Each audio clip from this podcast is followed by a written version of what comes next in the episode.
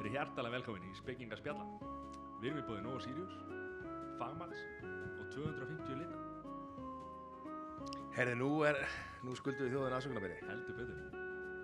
Það var hérna smá klikk í upptökum.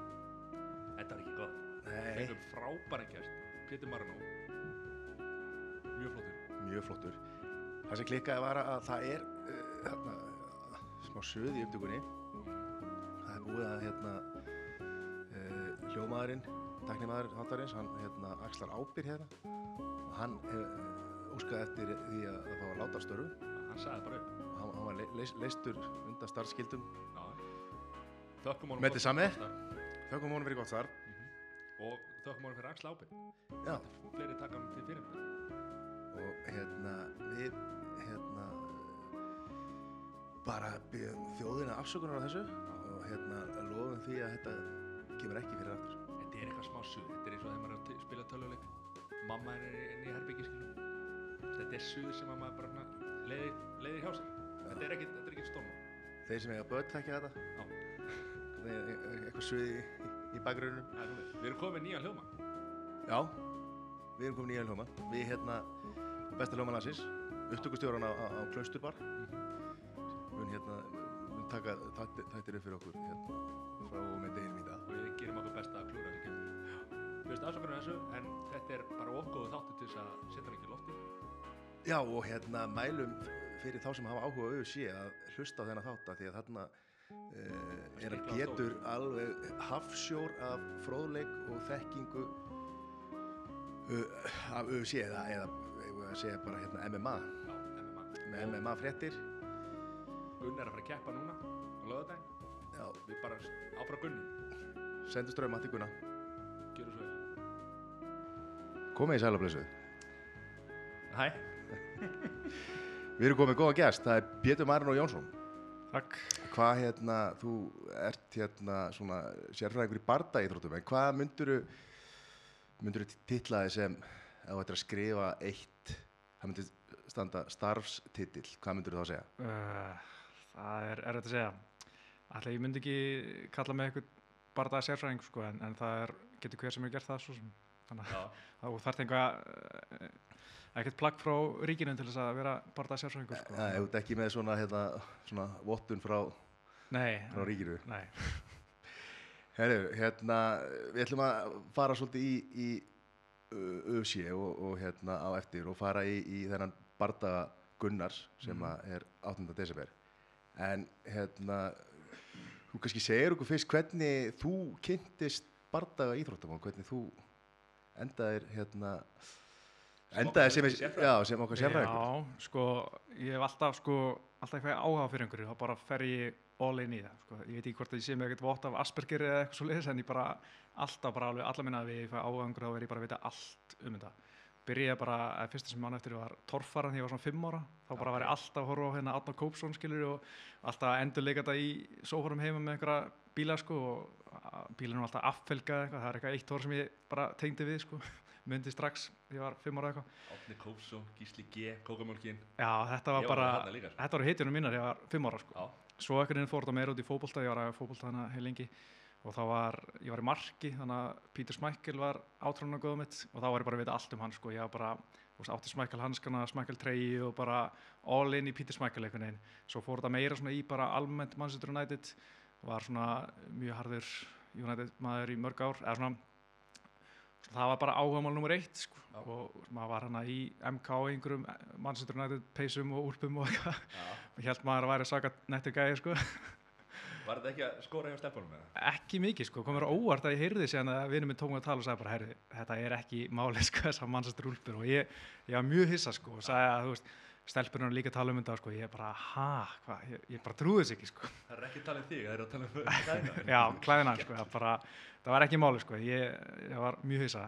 En svo fór þetta meir út í hérna næsta ágamul var eiginlega svona metallinn, þungarokki var alveg all in í, í Metallica og var að vita allt um þá og hérna Megadeth og eitthvað svona nokkra hljómsveitir sem fór bara all in. Var svona sem ég svona metall hipster einhver sko, var að reyna alltaf að finna eitthvað nýtt og eitthvað svona hlusta sem engin annar var að hlusta og eitthvað svona og eh, var svona í einhverju einhverju meðla tímbili svo hann í EMK, þá voru tveir félagi mínir uh, Pétur Haldós og Bjarki Már þeir voru með mér í nokkrum áfengum, voru fyrir félagar. Og síðan svona sumar eftir að við kláraðum MK þannig að þá var einhver partí með þeim og þeir voru nýbúna nýbyrjar æfi í mjölni, eitthvað bara slett jiu-jitsu sem ég sé ekkert hvað það var, ég held að þetta væri bara eitthvað vera stúta mönnum með hausbörgum og eitthvað svona mjög svona smeyku þetta en fannst það nett sko, maður langaði svona pínu að að prófa þetta en, en ég þorði ég ekkert sko, ég var alveg skræfa og hef alltaf verið svona chicken sko. En hérna svo í einhverju partí þannig að komin á fjórðabjóru og svona þá svona ok, ég let samfarast, ég þorði þarna ok, ég til ég að mæta, ég mæti á næsta öfingu eða eitthvað. Og síðan þegar kom hérna sunnundaginn og er bara fuck, þú veitir, hvað er búin að koma úti þeir eru potið búin að glemja sig og vissi ekkit, úst, bjóst ekki við að þurfa að mæta. Síðan á mánudeginu, var æfing klukkan 6 eða eitthvað. Þeir ringi í mig klukkan 4, ætlar ekki að koma? Og ég bara, djöfeli maður. Já, ég var vonast að þetta að gleyma þessu en, en þeir gerði það ekki og sóttu mig og ég mætti þannig og þá fór einhverja jútsæðingu og þá var þetta ekkit eins og í dag eitthvað, fær ég inn í eitthvað 101 námski með byrjendum og fær bara svona auðvöldlega fara inn í jútsu heldur þú fær bara beint inn í bara almenna jútsu tíma og fyrir það sem ekki vita er jútsu bara gólfglíma. Mjög mikil snerting, mjög mikil svona reynir bara svona úr það rúlandi í faðmlöfum þannig sé og ég hef aldrei, ég hef með svona anstöðum við snertið þörf, ég hef frekar svona veist, frekar, ég vil ekki láta snerta mig frekar en að vera með eitthvað snertið þörf sko.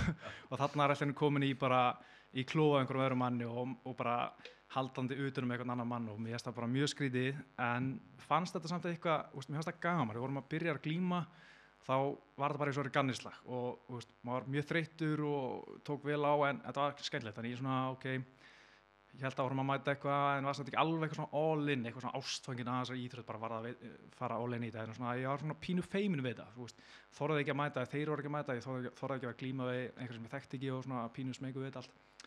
Og síðan einhvern veginn veist, samt detti alveg all in í mjölni einhvern veginn bara í andan hanna og, og, og bara svona stemninguna en fyrir meira í eitthvað svona bjöllaðingar eitthvað sem heit combat conditioning sem var með hérna Átni Ísaks og Arnar Freyr voru með eitthvað svona, svona þreikæðingar og ef mér langast að vera massa sko, ég, mér langar ekki að vera það var bara plan nummer eitt sko, vera, vera grjótarar og massaðar Komin úr United peysunni maður og Já, og þarna ætlaðum að vera eitthvað tjokka sko.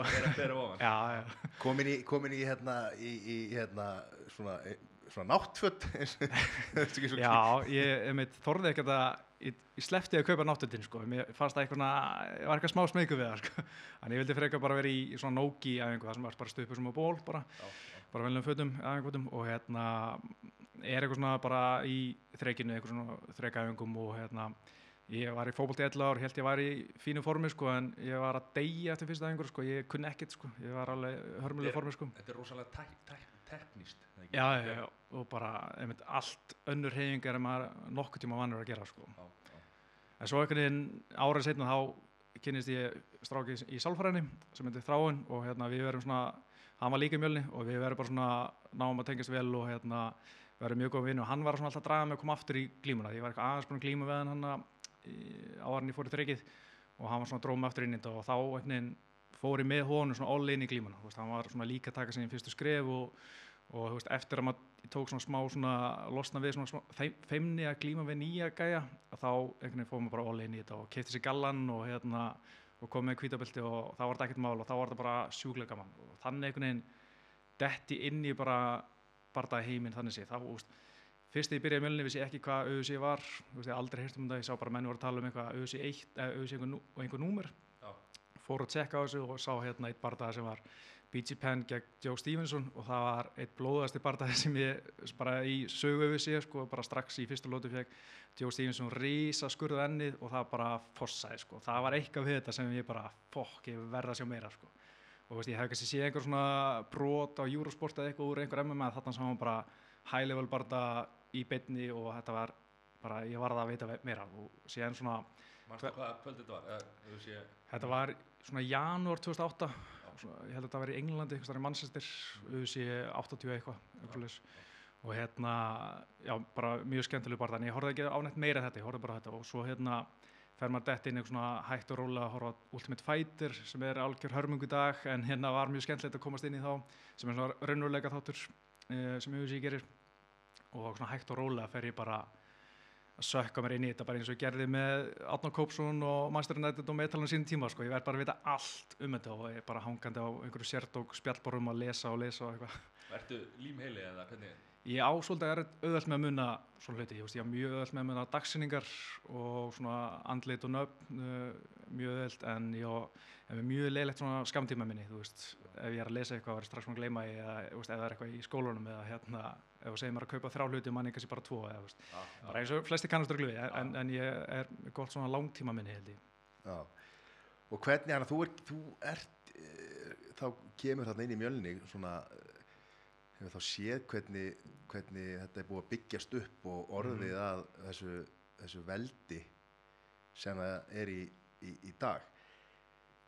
Hvernig svona, þú veist, nú, nú, nú finnst mér eins og sko, þú veist, þetta kom svona tískubilgja, Mm -hmm. eh, allir fóru í vikingatreikið, hvernig er svona þín upplifun þú veist eh, á svona þessari þróun á mjölni er, er, er mjölnir á, á réttri leið Já, klálega sko, því að ég er alltaf ekki alveg hlutlega að ég vinn þar sko, það er svona 9-5 vinnum menn sko.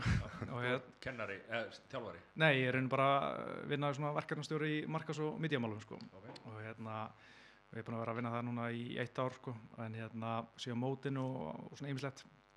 Uh, þannig að, uh, allan að, þetta er náttúrulega búið að vera, var stór sprenging og kannski meiri samkynni núna og fleiri sem eru búin að fara inn í þessi grunnamiski og allt það, en, en, en þróunin hefur bara verið alltaf mjög skemmtileg sko, og þú veist, bara þegar ég byrjaði mjölni voru hérna á Mýrigutin í einhverjum örfóum fermetrum bara sem var bara pínlítið svæði og svo brutuð einhverja veggi og hérna settum búr og stækkum dagins og gerðum svona liftingaraðstöðu svo var það árið lítið þannig að við efri hæðin var tekin hann og þar var settu bóksringur og, og nefnilega félag Reykjavíkur kom inn.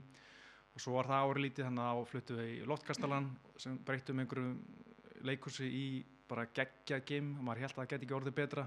Svo var það árið lítið og fara upp núna í hérna öskilina sem við erum og það er bara eitt flottast game sem maður hefur séð sko, á, þess að vera sko, ég get alveg hlutlega sagt það sko, Þeir tala bara um það að þetta sé mögulega eitt flottasta bara hérna, svona MMA gimmi bara í heiminum sko. Já, klálega, sko, það er einhvern ekkert sem maður myndi vilja sjá eitthvað betra, þú veist, nema sundlu eða eitthvað svona fáralegt, sko, þú Já, veist, já. en það er bara, Það er alltaf þetta að setja á þakkið. já, nákvæmlega, alveg sko frábær aðstæða líka og í frákuru, frábæru umhverfi líka sko það sem þetta er, er staðsett sko Þetta, þetta var aldrei, það það er búið að bæta inn í þetta núna miklu meira svona hérna, liftingadæmi og svoleiðis. Þetta var aldrei, þetta var bara barda og, og styrkinga. já, svona fram að, sko, náttúrulega í, það mjölni byrjar náttúrulega mjög mikið bara MMA og Jiu-Jitsu og svo kemur hérna, var svona kettlebells uh, sem var bara svona sér ángja í mjölni, reyna að leia aðstöðuna í nokkur ára síðan 2011 þá reyni verði mjölni bara með vikingatrygg og það er svona samveilur undir sama hatti í rauninni ekki en eins og kettlebells var svona eiginlega annar ángi af mjölni þannig en núna er þetta allt undir sama hatti bara og það er svona aðeins þægilegra Já, já. Heldur betur maður. Hvað hérna, er ekki að vinda okkur að sé einhverja bardamenn hérna sem að við erum hérna.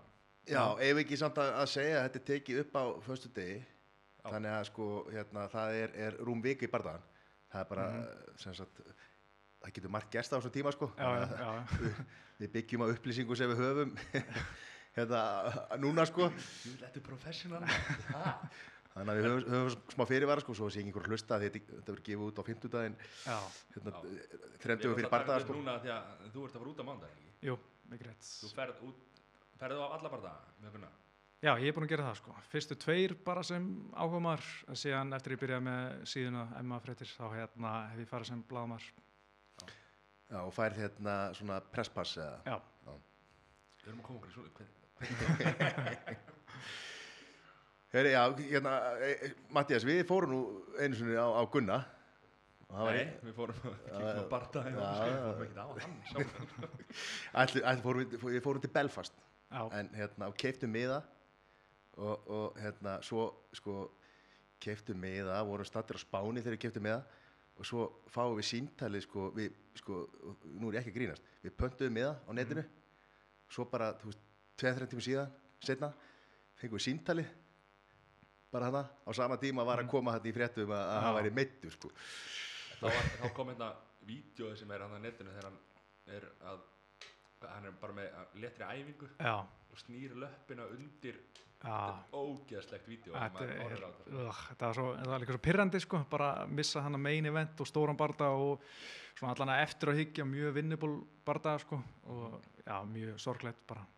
og þá hérna, við ákvæmum að fara út það Já, var bara, já. þetta var bara mjög fín sko en ég meina, vantar alltaf bara Já. aðalbardaðina það var hérna, Úræja Hall var aðalbardagi Mm Já, en náðum, náðum hérna, náðum góðu kvöldi, þetta var náttúrulega í, í, í, í, hérna, í Norður Írlandi og hérna, Conor var á, á, á svæðinu Já, já. af því að hann hérna, Russian Hammer. Russian Hammer var hérna, var að ver, berja sko. Það varð allt vittlust, þegar Conor lappaði inn í salin, Já, þá bara var allt vittlust og svo fór hann alltaf út aftur sko, því að hann var eitthvað út, út í smóka eða hvað sem hann var að gera sko, svo kemur hann aftur inn, Já, þetta var svona, þú veist, hann var eitthvað að gera eitthvað sem við vitum ekki hvað hann var að gera. Kemur hann aftur, bara brjála salurinn og þarna sko eins og það er hérna svona, ég veit ekki hvað að kalla, illindi á milli Íra og Norður Íra, Já. en sko við heyrum þarna að sko þegar kemur að Conor sko þá eru Írar, Írar, hvort, sem þeir eru Norður Írar Já. eða, eða, eða Írar, þannig að hérna svona, svona saminningatá þannig þessara tekja, tekja landa sko. já, Norður Íra voru alveg að Já, stiðja hann alveg. Já, þeir stiðja víst og þegar við vorum að tala við, sko, þeir bara tölum Conor sem sinn mann, sko. Já, já, já. Veist, samt, þeir þóla engan annan íra nema Conor, sko. Já, ég mynd svona vissi ekkit, ég held að Norður Írland var miklu stærra sko, sem ég fór að skoða hana rétt fyrir, að ég náttúrulega ætlaði að fara ángur til Belfast sko, Já. Þá er þetta alltaf bara pínu lítið sko, og bara eitthvað, ég held að þetta væri miklu stærra, stærri partur af Írlandi einhvern veginn. Já, Já, þetta er hérna en það var magnað að fara að því að það var svo mikið af Íslandingu sem að hérna set, voru búin að kaupa miða út. Mm. svo fullt af fólki sem hætti við að fara. Við vorum nú heppnir hérna við áttum miða bara hérna með henni sótsvarta almóa sko. Já, því við erum náttúrulega erum bara sótsvartur almói og hérna svo voru vinur okkar sem að voru í hérna voru með hérna box Já, og það var fullt af hérna, stráku þar sem að hætti við að fara. Þannig að við fengum bara miða hjá þeim sko. Þannig að við sátum upp í svona boxi og vorum að hérna það var alveg við vorum ekki að hata það. Nei, Ha? En svo var alltaf skemmtilegast við þetta var að hérna að því að það var engin, engin íslendingur að að berjast og Mhm. hérna, þannig að þetta var svona einhvern veginn bara skemmti ferð hjá öllum. Þá hérna komu þeirra stelpunar í, í ringi sem lappa hérna já. milli hverja lotna sko Mhm. með lotu 1 og lotu 2 og lotu 3 sko þá hérna heyriðist alltaf í salni bara úrað ofan það kom bara hérna já, þarna voru þarna e- e- einhver hópur íslendinga og fyrst var maður bara, "Bíddu, hvað, hvað er það að segja? Svo kom alltaf bara, úr að ofan. En hérna, meira þeirra leið á kvöldi sko. En á svona bardagkvöldi það, Mm. er, hvað eru margir, ba- veistu hvað eru margir bardagar sko, að því að þegar við sjáum þetta í sjónvarpinu þá er þetta yfirleitt bara svona fimm barda mhm, nema þegar fólk er með þá hérna, fight pass já. Þetta eru, sko, það er svona pay-per-view, númerukvöldin, eins og Gunnir átt, UFC 231, þá er er það ekki fimm, að útskýra bara aðeins hérna, fyrir fólki hvað er hérna, það er eins og staðan er núna þá er bara auðvitað kvöld næstuði í hverja helgi Já, það er eiginlega svona pínu þreytt sko, hérna, en það eru eiginlega svona tvær tegundir, eða svona eiginlega þrjár núna af, af UFC kvöldum. Það eru þessi pay-per-view kvöld sem eru númeru kvöldin, Eins og- og okkur er þetta númerað uh, þetta er bara UFC 1 var pay-per-view og svo 2 og 3 og nú komið upp í 231 Ok. Og það er bara mjög þægilegt, mjög þægilegt að kalla þetta bara svona einhverju númerum. Fyrst, eða svona um tíma hétt þetta, þú veist, UFC 66, Bad Blood og eitthvað, þú veist, Já. alveg svona freka takki sko, svona, að ég er mjög fegin að þeir séu hætti með það en svo erum við svona Fight Night kvöld og þá heitir þetta yfirleitt eitthvað UFC Fight Night uh, Úsmann vs. Dos Anjos bara eins og er á morgun eða í kvöld, föstaskvöld já. og hérna endalins og svona Fight Night svo eru núna svona Fox kvöld sem eru aðeins stærri á, svo kemur svona Fox kvöld og þá eru fjóri barndar á aðal hlutabardar eða mainkartinu svo er allt Fox, Fox kvöld er þá væntalega því að þetta er sínt á Fox Já, bara aðalstöðunni hjá Fox sko. Og, en sá sáningur er að renna gildi núna um áramótin og þá fara þeir á E ESPN og þá eru þeir með eitthvað svona E ESPN Fight Night og E ESPN úst, aðalstöðun barndagkvöld. Þessi Fox kvöld er aðeins stærri heldur en þessi Fight Night kvöld en ekki eins stór og pay-per-view. Þetta er svona smá milliður. Númeru kvöldana, er, það Mhm. ekki, er það ekki alltaf titilbardagi þá eða er það, Jú, þeir eru búin að vera að gera það auðvitað núna síðustu tvö ára, að reyna alltaf að vera með titilbarda sem ég finnst persónulega algjör óþari því að þú þarf bara að vera með drullu góðan barda úst, bara eins og dæmi Conor og Nate Diaz engin titil þar í húi, öllum drullu sama um þessi belti, bara viljum sjá góðan barda Já. og auðvitað var miklu meira að gera þetta hérna áður fyrir, voru með eins og Rampage Jackson og Rashad Evans mjög stór bardaði eftir Ultimate Fighter engin titil og það var bara miljón pay-per-views uh, og það er alltaf svona alltaf fimm bardar á, á mainkartinu svo eru nokkur prelims eða svona uppbytunar bardar og það eru alltaf Fight Pass uppbytunar bardar og svo Fox Sports er alltaf með fjóra barda þannig að samtals er þetta svona 10 til 13-14 bardar á kvöldi sko. og það er nefnilega máli, sko, þegar maður fer á svona, fer að horfa, sérstaklega fara í stadium og horfa á þetta, mm þetta er ótrúlega gaman en þetta tekur ekkert smá langa tíma, sko. Já, og sérstaklega þessi Fight Night kvöld það er eiginlega, finnst mér svona pínu að skemma vöruna hjá auðvitað núna því að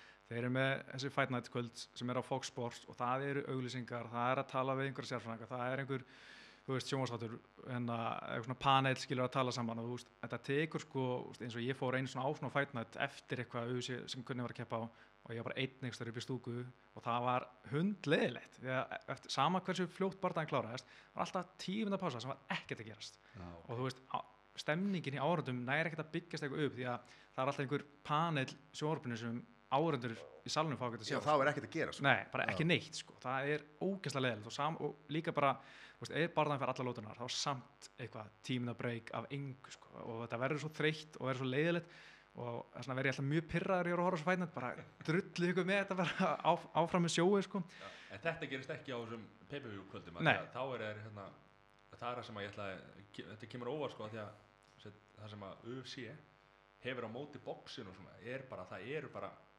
15 minna bardagar mm og þetta stendst yfirleitt alltaf Já. þú getur séð hvenar aðalbardaginn er cirka Svona cirka, já, peipiruðu þá bara er náttúrulega þannig sé engar auglýsingar þeir geta auglýsa eitthvað Toyota eða eitthvað eins og er alltaf Sport það er bara kannski auglýsa næsta kart eða eitthvað þannig en annars bara áfram með sjóðu sko. Já. og það er svona mjög mjög þægilega að horfa á peipiruðu heldur en þessi bölluðu fætnætt, sérstaklega klukkan er 5 og, og lögutaskvöld sko. það er alveg lögrétt hjá þeim Já, en er, er þetta orðið á oft ef að núna er þetta þú veist, það er öfsíkvölda hverja helgi mm er það orðið sko, en svo náttúrulega sko, fyrir, eins og, eins og ég skilur svo horfum maður á bara þessa aðalega þessa pay-per-view bardaga sko, Mhm. nema, nema að sé einhver góð bardagi sko, sem maður er búin að spotta sko.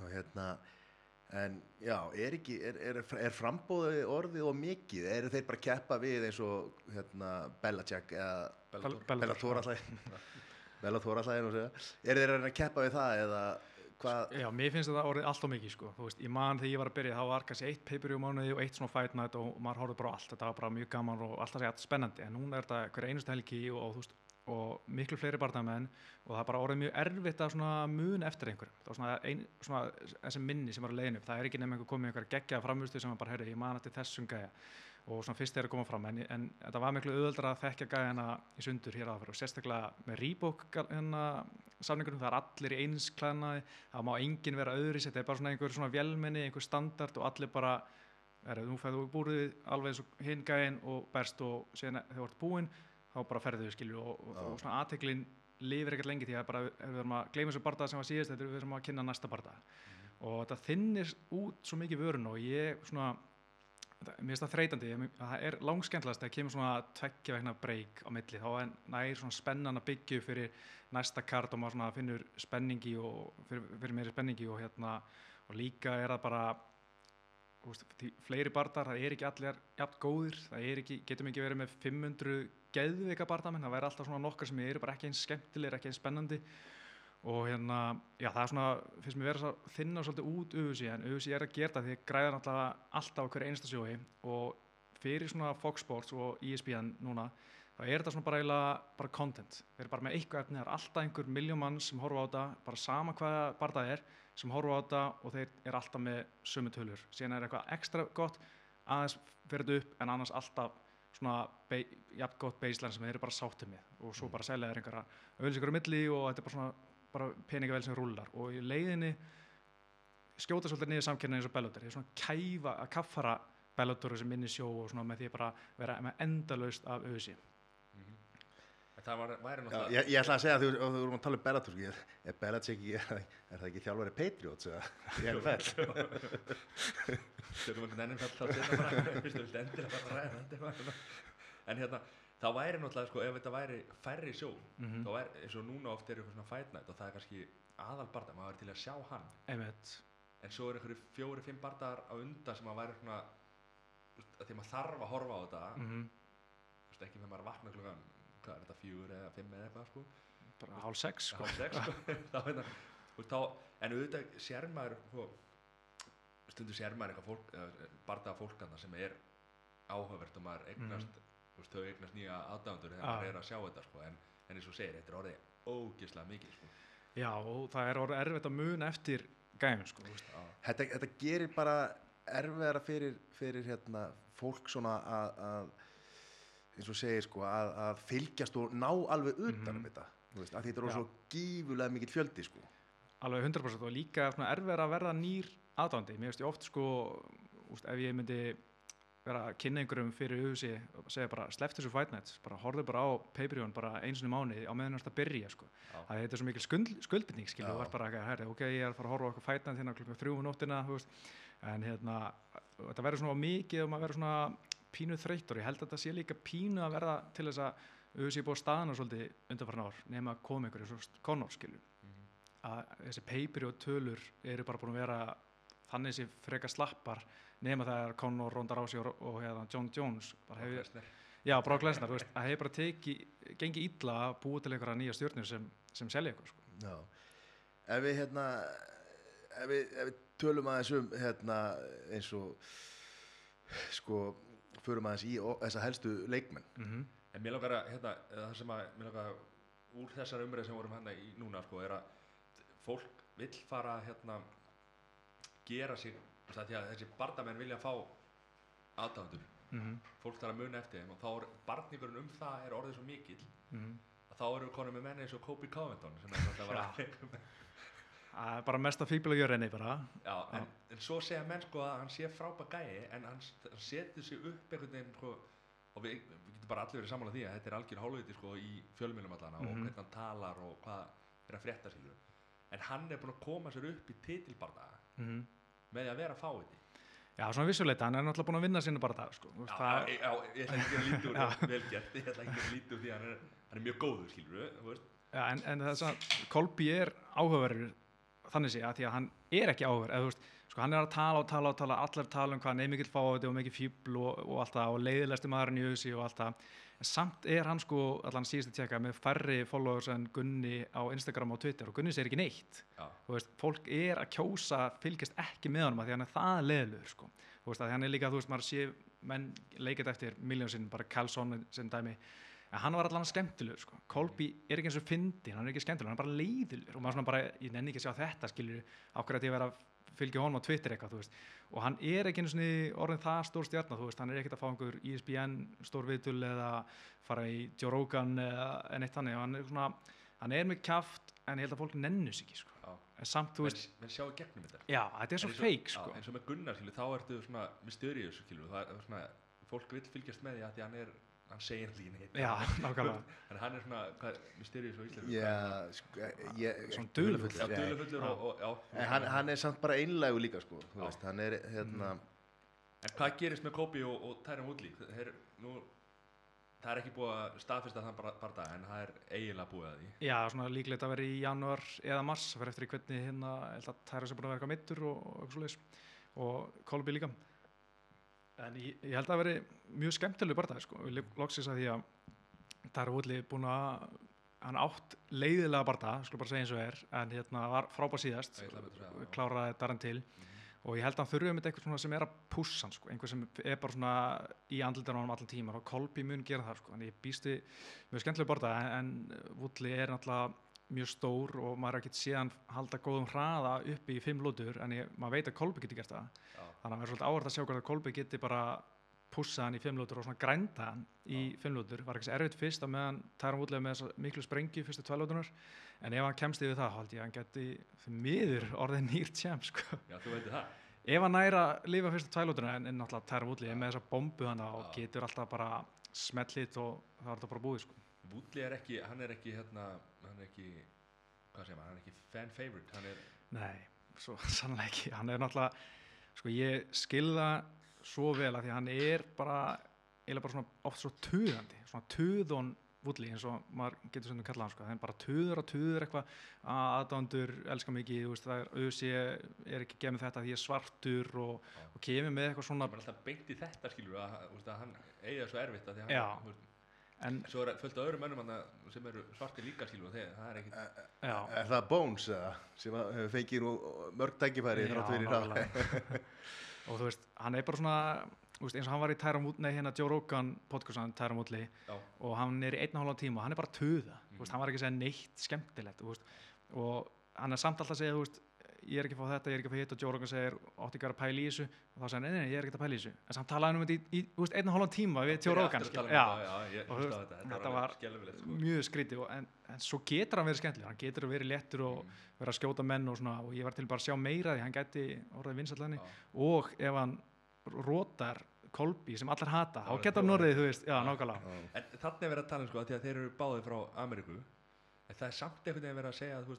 Að að að að að, að að Colby Covington er, er, er mikill hérna Donald Trump Já, og í hvíta húsið með bestið og eitthvað.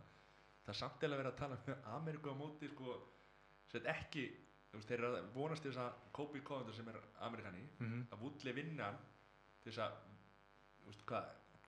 sett upp veginn þannig að hann var að bjarga Ameríku frá, frá Ameríku, þetta er eitthvað. Já, þetta er nefnilega svona undarlega pólitískur bardagi, sko, því að Tyra Woodley er hann frá uh, Missouri í Já. hérna, ég man ekki alveg hvað þetta er, hérna, einhvers þar í bandaríku, það var hérna eitthvað svona ræjat hann í janúar 2017 held ég, það sem voru svona blokkum með hann að mótmála einhverjum eitthvað svona slæm, slæmari meðferð sem voru að fá og hérna var eitthvað svona sem ræjat þar og hérna, og hann alltaf mjög oft tala um hvað hann fær ekki nógu mikla ást frá USA að því hann er svartur og svo er hann með hérna einhvern pappismistara, interim champ eins og Colby Covington sem er tvítur og fer í Donald Trump kvítahúsi og þú veist USA er að koma hann að þanga og svona.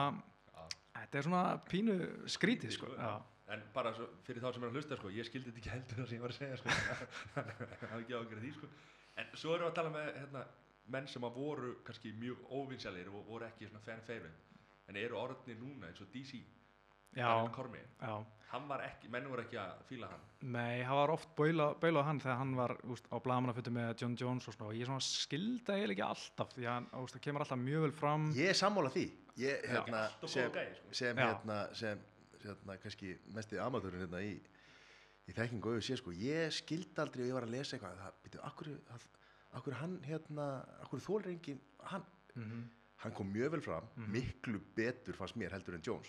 Já, og, og þú veist, var svona, ok, þeir fóru í eitthvað svona bíf og eitthvað svona, sko, en mér fannst hann koma miklu, vera miklu meiri svona professional eða, þú veist, koma fram með miklu meiri sem svona já, bara kurtisari já, algjörlega, Bara- bara, betri manneðskja sko. já, og, og hérna Þa, það, það, það er svona sem að mér fannst um, um það sko hana, en hann er hann ekki aðeins að vinna upp á hann er það orðið núna bara, hérna, hvað, hvað breytist? Hvað, Ég held bara, hann var bara svona svona á skjánum og að gera góðu liti veist, fólk kannski bara sé bara ok, hann er ekki svo slæmur. Og hérna, því hann var náttúrulega double champ, rótaði þungatamestarann og búin að vera að vera vinnarinn allan nema John Jones og, og ég veit ekki, kannski líka samúð með hann þegar hann var gráta hann eftir John Jones Já. og sá hvað hann tók þetta ógeðslega nærri sér sko, þetta er náttúrulega bara mesti kettni sem er í heimi og þú veist, að tapa, þú veist, ekki út að hann var ekki gráta út af einhverja sársök, heldur bara bara von, svo vonsökin að tapa fyrir náttúrulega erki fíblinu John Jones í hans huga sko. og ég held að svona einhvern veginn bara fólk að sé að þetta er svona all around góður gæi þú veist, sem hleypur inn í búri í joggingalunum, girt upp í nafla og þú veist, með derúuna og bara 40 ára pappi er alltaf feitur, sko. já, ég veit að þetta er ótrúlega sko. Þú veist, þetta er, einn, sko, núna bara, þeir eru með, hérna, bara pound for pound, bara best, hann er nummer eitt, já, ekki? Bestur í heiminu, sko, og það, og það sem menn segja bara hann er hættulegasti maður í heimi og hann er bara með bumbu. já, já, þú veist, ef þetta væri gæi á ströndinni sem að segja, heyri, ég er hérna auðvitað þunguðarmestari, maður bara, já, einmitt sko, þú veist, Já, 100% rétti að það mestari, sko, ekki sé, sko. en er það ekki líka bara svolítið Don Jones sem að hefur gert hann segja þetta, því að hann er búin að vera Já, sko, John Jones náttúrulega eins og Cormier hefur sagt, hann svona uh, svona bring the worst out of him og segir Cormier sko, því að John Jones fer með eitthvað kæft og DC verður alltaf að svara og hann kannski svara svona einhverju sem hann sér kannski eftir, segir hluti sem hann sér eftir og svona kemur svona hans versta hlið fram með John Jones, það er einhvern þannig rígur, alvöru rígur á milli ekki eitthvað svona pappírs feik Þeir dæmi sko. Já, gjörsalega, sko, þú veist, bara náttúrulega búin að keppa tvisar, John Jones vann í bæðiskiptin og hérna og báður búin að slásta á blagamannafundunum og, og líka besta vitali var þegar voru hlið við hlið í hérna í einhverju ekki- í sikur herbygginu svona og John Jones held að það var búin að slökka á myndalunum og þegar hann kemur hérna hey pussy, you're still there? Þá sá maður bara alveg John Jones sem var bara að fela svo lengi að því hann alltaf, var alltaf þessi fake Kristinn gæi sko svo lengi. Og hérna sá maður bara svona veist, þeir voru bara að bífa hana á þess að var slögt á, neða kveikt á myndalunum sig Já. það var náttúrulega mjög skemmtilegt og hérna uh, en þeirra rígur er búin að vera náttúrulega að gerast lengi og John Jones er, hefur alltaf verið vinsælt sama hvað hann gerir sem ég veist alltaf mjög skrítið hann keirir óleita konu og, flýra vettvangi en þegar hann kom á blagamannafundin þú veist, nokkrum mánuðum sinna þá var hann bara fagnað eins og hetju sko, bara velkomin aftur sko. ég, maður svona skilu það oft ekki sko. Það er ekki, þetta er ekki svona eins og Don Jones er talin að vera bara og er örgulega besti bardamaður í heimi veist, svona hæfileika síðar sko, en Mhm. hausinn er ekki alveg þarna til staðar nei, og hann hérna en þetta er ekki svona eins og hérna með með hérna Floyd Mayweather sko, fólk hatar að elska nei, set, elskar að hata sko. já, fólk bara elskar Don Jones saman hvað hann er að gera sko. einmitt, ég held að það er mjög oft magna sko, en, en ég held að bara fólk elski pínu að sjá svona vonda gæja er svona eitthvað í þeim bara svona vilja Bad já, já, svona bad boy fettis eitthvað sem fólk er með sko. Hann er alltaf ógeðslega góður, ótrúlega hæfileikar ykkur og maður sé það líka bara svona þegar hann er orðið svona opnað sig meira með bara hvað hann var að taka kókain og djamma viku fyrir barða að maður veist, trúir eiginlega ekki að hann sé svona góður með hvernig hann var að lifa og er mögulega ennþá, maður veit það ekki alveg Já. að veist, hann var að mæta í kamp veist, tíu vikunum fyr- fyrir barða ekki búin að æfa neitt síðan eftir síðasta barða og bara svona skinny fett, engu formi og svo rústar hann einhverju gæðum og var alltaf að fara að jammi viku fyrir barða bara svona að þeim gata hann hefur verið sín vesti óvinnu sko Já, Þú klárlega, ef, sko. hann, ef hann hefði ef hann hef, væri ekki í þessu rugli eins og þú segir sko, kerið hann á, á, á þessu konu og, og búin að vera að neyta einhverja fíknefna ef hann Mm. væri hérna, tæki svo ég ætla ekki að segja tæki svo meira alvarlega því að hann vantarlega er hann að glíma við einhverja, einhverja djöfla sko, þá væri hann ósýrandi. Já, maður svona hann er ósýrandi. Já, hann er það. Já, ég er að segja, þú veist, þá feng, já, og þá mætti að keppa og vera ósýrandi. Já, já. En hérna shit, búin að glemma hvað ég ætla að segja. En John Jones náttúrulega sko eh, er klála sinn vestu óvinnur og alltaf en, en stundum velti fyrir mig hvort hann þurfi bara þetta að geta bara, hvort hann væri eitthvað góður ef hann væri, þú veist, alveg clean living og allt það. Já. þú veist. en menn töluðum að hérna, ég man, núna hvað ég ætla að segja menn töluðum að hérna, hann hafi verið að taka alltaf viku fyrir barða eitthvað, mm Mhm. kókain bara hérna, jam bara og bara þvílitt jam þannig að hann hefði afsökun fyrir Já, því ef hann myndi tapa, það er út af þessu. En samt að vanna hann alla barða Já, ef hann myndi hætta hugsa um það mm, og bara vinna, þú veist, ég meina þú veist, hvað er við að kenna húnum bestur sko en hvernig, hvernig sér barða, hann er núna hann að fara að keppa hvenær er það? 2009. des Já, það er stórt bardagöld 29. desember Já. við hérna svíjan suttalega Gustafsson Gustafsson. Alexander Gustafsson mm hvað hérna, Það er trikki barðæð sko, náttúrulega John Jones ekki barist síðan hann uh, rótaði DC í hvað, júli 2017 og Gustafsson ekki barist síðan í mæ 2017, hann er búin að vera mikið mittur og þurfti að hætta allan með einn, jafnvel tvo barða sem er mikil synd að því að síðusti barða var bara hans besta faramast á ferlinum. Já.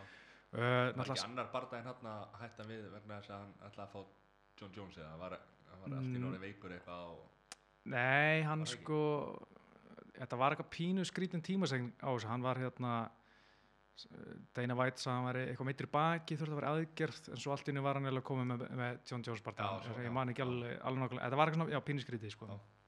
En hérna, en ég er svona, þetta er svona einn af þessu barða sem maður er mjög 50-50, að því síðasta barða var mjög jafn, mm, uh, hérna, Gustafsson var bara hásbreytvæði að vinna John Jones sem enginn hafði trúa á þeim tíma, sko. Alexander Gustafsson sagði að hann hefði unnið hann sko. Já, bara, já. þetta, þetta, þarna var bara dómara úrskurður Mhm. og var mjög tvísýnt en, en hérna, oft er það þannig með dómara úrskurður ef að meistarinn fær þetta auka vót skilur að því hann er meistarinn eða ekki það er svona ekki, ekkert skrifa neins þar sko. það bara endar oft á þannig sko. og hérna, og þetta á bara að vera algjörlega hlutlust maður, bara hvor vinnur fleiri lótur og, og en, en hérna en þetta er einhver skekkja hjá dómarun sem bara virðist að veri óskiljanleg já, og hérna, dómarar hann eru náttúrulega margir hverjir alveg, þetta er furðulegt sko. já, margt, margt mjög skrítið hana sko. en persónulega fannst mér John Jones vinna því ég horfði á þetta allan en setnarskeiti sko. fyrst ég horfði á þetta fannst mér Gustafsson vinna en síðan voru ég horfði á þetta aftur svona fannst mér John Jones eiginlega gera aðeins meira í þreymulótum og það er náttúrulega að vinna fimmlótu barða en já, ég held að veri alveg geggjaða barða sko. ég held að þetta veri bara mjög svipa á síðast bara svona fimmlótu stríð en, en einhvern veginn bara held ég að besti fætir í heimi vinni þetta aftur, John Jones Já. Það verður það fróðlegt og skemmtilegt ef hann því að hann er búin að vera núna síðustu tveir bardagar hefur hann verið hérna fallega á lífjaprófi annað mm. -hmm. hérna fyrir sér einhverja viagra töflur eða einhverja, já. einhverja, einhverja töflur hann sem var eitthvað það er eitthvað voðalega skrítið og svo hérna hitt var það það kom í ljós að það var hvað það var eitthvað voðalega lítið allt og lítið magn til þess að geta verið eitthvað mældi samt í blóðum þetta er Mhm. voðalega þetta er svona veginn ég veit ekki, ég ætla að vona að þessi ekki eitthvað að móka yfir eitthvað til þess að fá hann aftur í, í búrið sko, Já, þetta, þetta, þetta- þetta þessu. Það er, já, fyrst þetta kom fram fannst mér mjög skrítið sko, hann náttúrulega fellur á hérna lifaprófi, eina lifaprófin sem hann vissi nákvæmlega hvernig hann væri, hann var búin að standast öll óundi lifaprófin, svo var hann tekið lifapróf hann eftir viktun daginn fyrir barnaðan, sem er eina lifapróf sem hann veit 100% hvernig hann fer fram og hann fellur á því og það er hérna Túri Napóla einhver gamall austur-euroskur, hérna austur Þískaland steri sko sem gæðinir austur Þískaland voru að taka sko 1960 eitthvað svona old school hérna steri sko. Og hérna, og það áast að vera mjög lítið magn, hefur John Jones sagt en maður ekki hýrt hann einstar annar staðar og hann segir ímislegt, þannig að maður veit ekki alveg hvort það sé rétt. En hérna, hann allan að miður þetta, þetta var hans annað brót hefði hann átt að fá fjárarbann, bara lámark bara engin spurning. Hann, en hann sleppur, fær hérna einhverja ég man ekki, 15 mána, mánuði bara þurka af banninu af því að hann verður bara svona snits. Hann fer að kjafta undan öðrum barndamönnum sem er að djúsa og eitthvað þannig. Og þetta kemur bara ofinberlega fram í ofinberu gögnum frá USADA sem sér um öll í USA en hann er samt alltaf að neita þessu. Hann er alltaf bara, nei, nei, þetta er ekki rétt. Ég er bara, ég slappnaði öll að því ég síndi svo góða hefðun og þetta var svo lítið magn. Og hann er alltaf bara svona að bulla í viðtölum og vonast alveg komast upp með það. En þeir sem eru að fylgjast vel með vita að hann bara fekk 15 mánuði af bannunu fyrir að snitsa. Og einhver þrjá mánuði viðbútt fyrir einhverja góða hefðun eða vera svona mjög hreinskilin eða eitthvað svo leiðis Mhm. af því að hann síndi úst, hann var alveg komin á svona dead end, hann var bara að fara með öll hérna fæðubótræðin sem hann með bara sem hann var að taka, geta þetta verið í þessu og þessu og þessu og reyna að finna einhverja dickpill sem getur verið einhverjar bensinstöð sem hann geta hafa tekið til að gá hvort þetta verið úr því. Kom ekkert, fannst hvergi þessi styri sem hann var með og þá held ég að þetta verið bara svona síðasta úrræði bara. Já. Til að gera hvað sem er til að missa og það bara, halda vinnunni já, og hann verður bara svona snits og, og ég finna um? Hefur hann ekki heyrt hérna snitches get stitches? Nákvæmlega, sko. það er Þegar þú náttúrulega ert hættulegasti maður í heimi sko, þá er þið kannski bara drullu sama sko. ekki nema að mennum mæti með eitthvað knífa það ég, Já, sko, ég veit ekki hvernig þetta verður því að ef þú ert einhver svona djúser og ert að æfa með John Jones, ert ekki bara þá sleppir því bara, þá vilt ekki láta komast upp með en, en þetta er svona geta alveg gott sko, veist, að hann fer að kjafta frá að komast upp um þessa svindlara veist, en en er, ég það bara ekki, veist, er það ekki það sem við viljum? Jú, sjálfsögðu, ég bara hef ekki mikla trú að hann munið delivera sko. En hann verður að gera, annars er bara bannið setja þar á, sem ég sannst enga trú að geri en, en, hérna, en hann verður að delivera einhverjum koma með eitthvað info sko, til já, þess að bara halda. já, áfram. Já, Já. það sé ekki búin að gera Nei, þetta er áfram haldandi sko. Já, ok, hérna, þetta er breaking news hérna, Já, ég, ég, ég vissi það ekki, þannig að hann er, er búin að skuldbinda sig til þess að, já, að Já. segja frá til frambúðar eða Mhm. allan í einhver tíma. en, en sko, ok, núna uh, fyrir bara örstuðt í þessar styrranótkun hérna í, þú veist, USA því að við, þetta var rosalega mikið Já maður heldur það, að maður alltaf veit það svo sem aldrei sko, en, en, en, ok, þú veist, maður sér það áfyllt af mönnum þeir já. voru áður en USADA kom inn Mhm. og eftir að USADA kom set, Þetta er já, svona- allavega, já, fyrir og eftir. Já, maður sér það bara á myndum og svona, veist, það er já, þetta er náttúrulega sko þeir, USADA notar bara þetta eye-test, bara þú lítur út úr að vera störu, þá muna þeir testa það oftar, það er bara þannig, Já.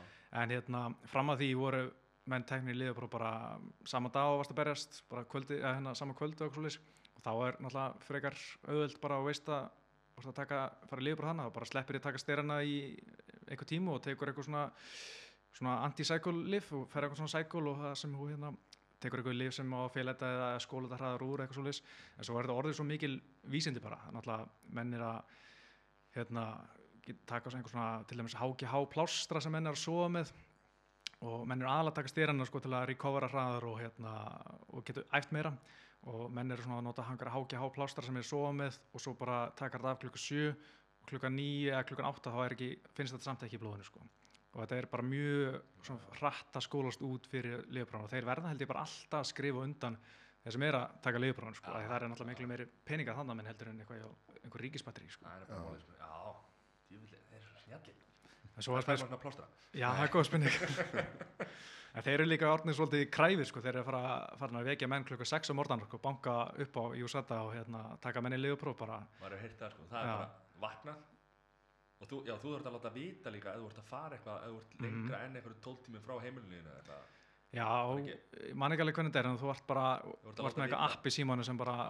láta vita hvað þú ert, sko. og svo koma þér og vekja þér klukkan 5-6 á mótana Mm þegar við erum að horfa á bardaga þá hérna koma þér og, og inn, inn, í, sem, inn, í hérna, inn á klósett og þeir bara standa yfir þér já, já, bara eins gott að vera ekki með einhverja feimna blöðru þar, sko. Já. Það getur verið og erfitt. það er bara hérna þeir eru myndi að vera, einhver bardamenn að tala um það sko, þeir bara, þetta er svo ógæðslega vandræðilegt Mhm. og óþægilegt og, og hérna, það er bara ekki gæi sem horfir á tippið á allan tíma sko. Þú veist, hann er ekki það, veist, að því þú mátt aldrei lí, far, líta undan eitthvað því þá getur þú sett eitthvað annað í glasið. Mm það er bara hort á þig bara fara að pissa.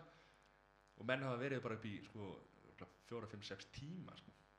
Bara inni sko, þetta er bara eitthvað alveg grillað sko. En svo er þetta líka, sko, ég, ég er með fegin að Júsata kom inn því að það er svo mikið alls konar sögum sem er að gangi, sérstaklega í Brasil, ég ég líka verið með hana fordóma hérna, en, en að fyrir konnabortan hjá Hósi Aldó, þannig að hvað var í júni 2015, þá er, uh, kemur ykkur maður frá bandaríkjunum, frá einhverju lifi eftirliti þar, áður en Júsata kemur inn og er að taka Hósi Aldó í óvænt lifapróf, en hérna, hann er stoppaður í gimminu hjá Hósi Aldó menn er að spyrja hann um einhver hérna, einhverja pappira og hann segist um að þá einhver lögga sem er ekki á vakt sem stoppar hann og honum er hendu út úr giminu og hann fær ekki að taka aldó lífapróf og hendanum kemur hann aftur daginn eftir sólarengi síðar og hérna Aldó pissar eitthvað glas og er eitthvað annað frá brasilíska uh, MMA-sambundinu sem mætir.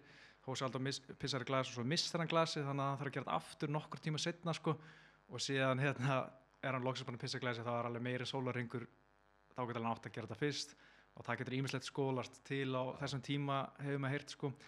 Og hérna og svo er gæinn sem er frá brasilíska Emma samt bara að taka sér mynda sér með Haldó og Rosa Buddy og fá áriðana og svona. Og þetta allt svona þetta er svona pínu óþæld að vita að þetta sé eitthvað gangi sko. Þetta grefur undir trúveruleikanum. Já. Já, en, en með Júsata þá er þetta trúmar í þetta sé allt betra. En þetta John Jones dæmi kom fyrst upp þá ég held að þetta væri bara búið. Þetta var sérstaklega þetta var viku ára en hérna USA 230 í Madison Square Garden. Þá átt hann að vera laus allra mála og maður held bara mikið óskaplega er þetta þægileg dagsning viku fyrir Madison Square Garden en svo var hann ekki tilbúin þá hann að það var svona þægilegra sko maður held að þetta væri orðið eitthvað eitthvað fyssi sko. Hvað, hva, hva, það var einhver barndamar sem faldi sig undir hérna, John Jones. Það var ekki svona ljós Já, sagan segir sko, hann hafi, þegar lífi eftirliti kom, falið þessu undir búrunu bara og verið þar allan daginn. á æfingarsæðinu Já, er Gunni undir búrun í mjölnið já, hann er alltaf þar. sko. Það séu þar.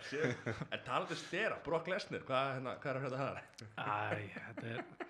Það er eitthvað fríksjóð ekki Var, kom, var komin dagsetning á Kormier og Nei, Nei. nei, en uh, það, verður það næsti bardaði hjá Kormier? eða?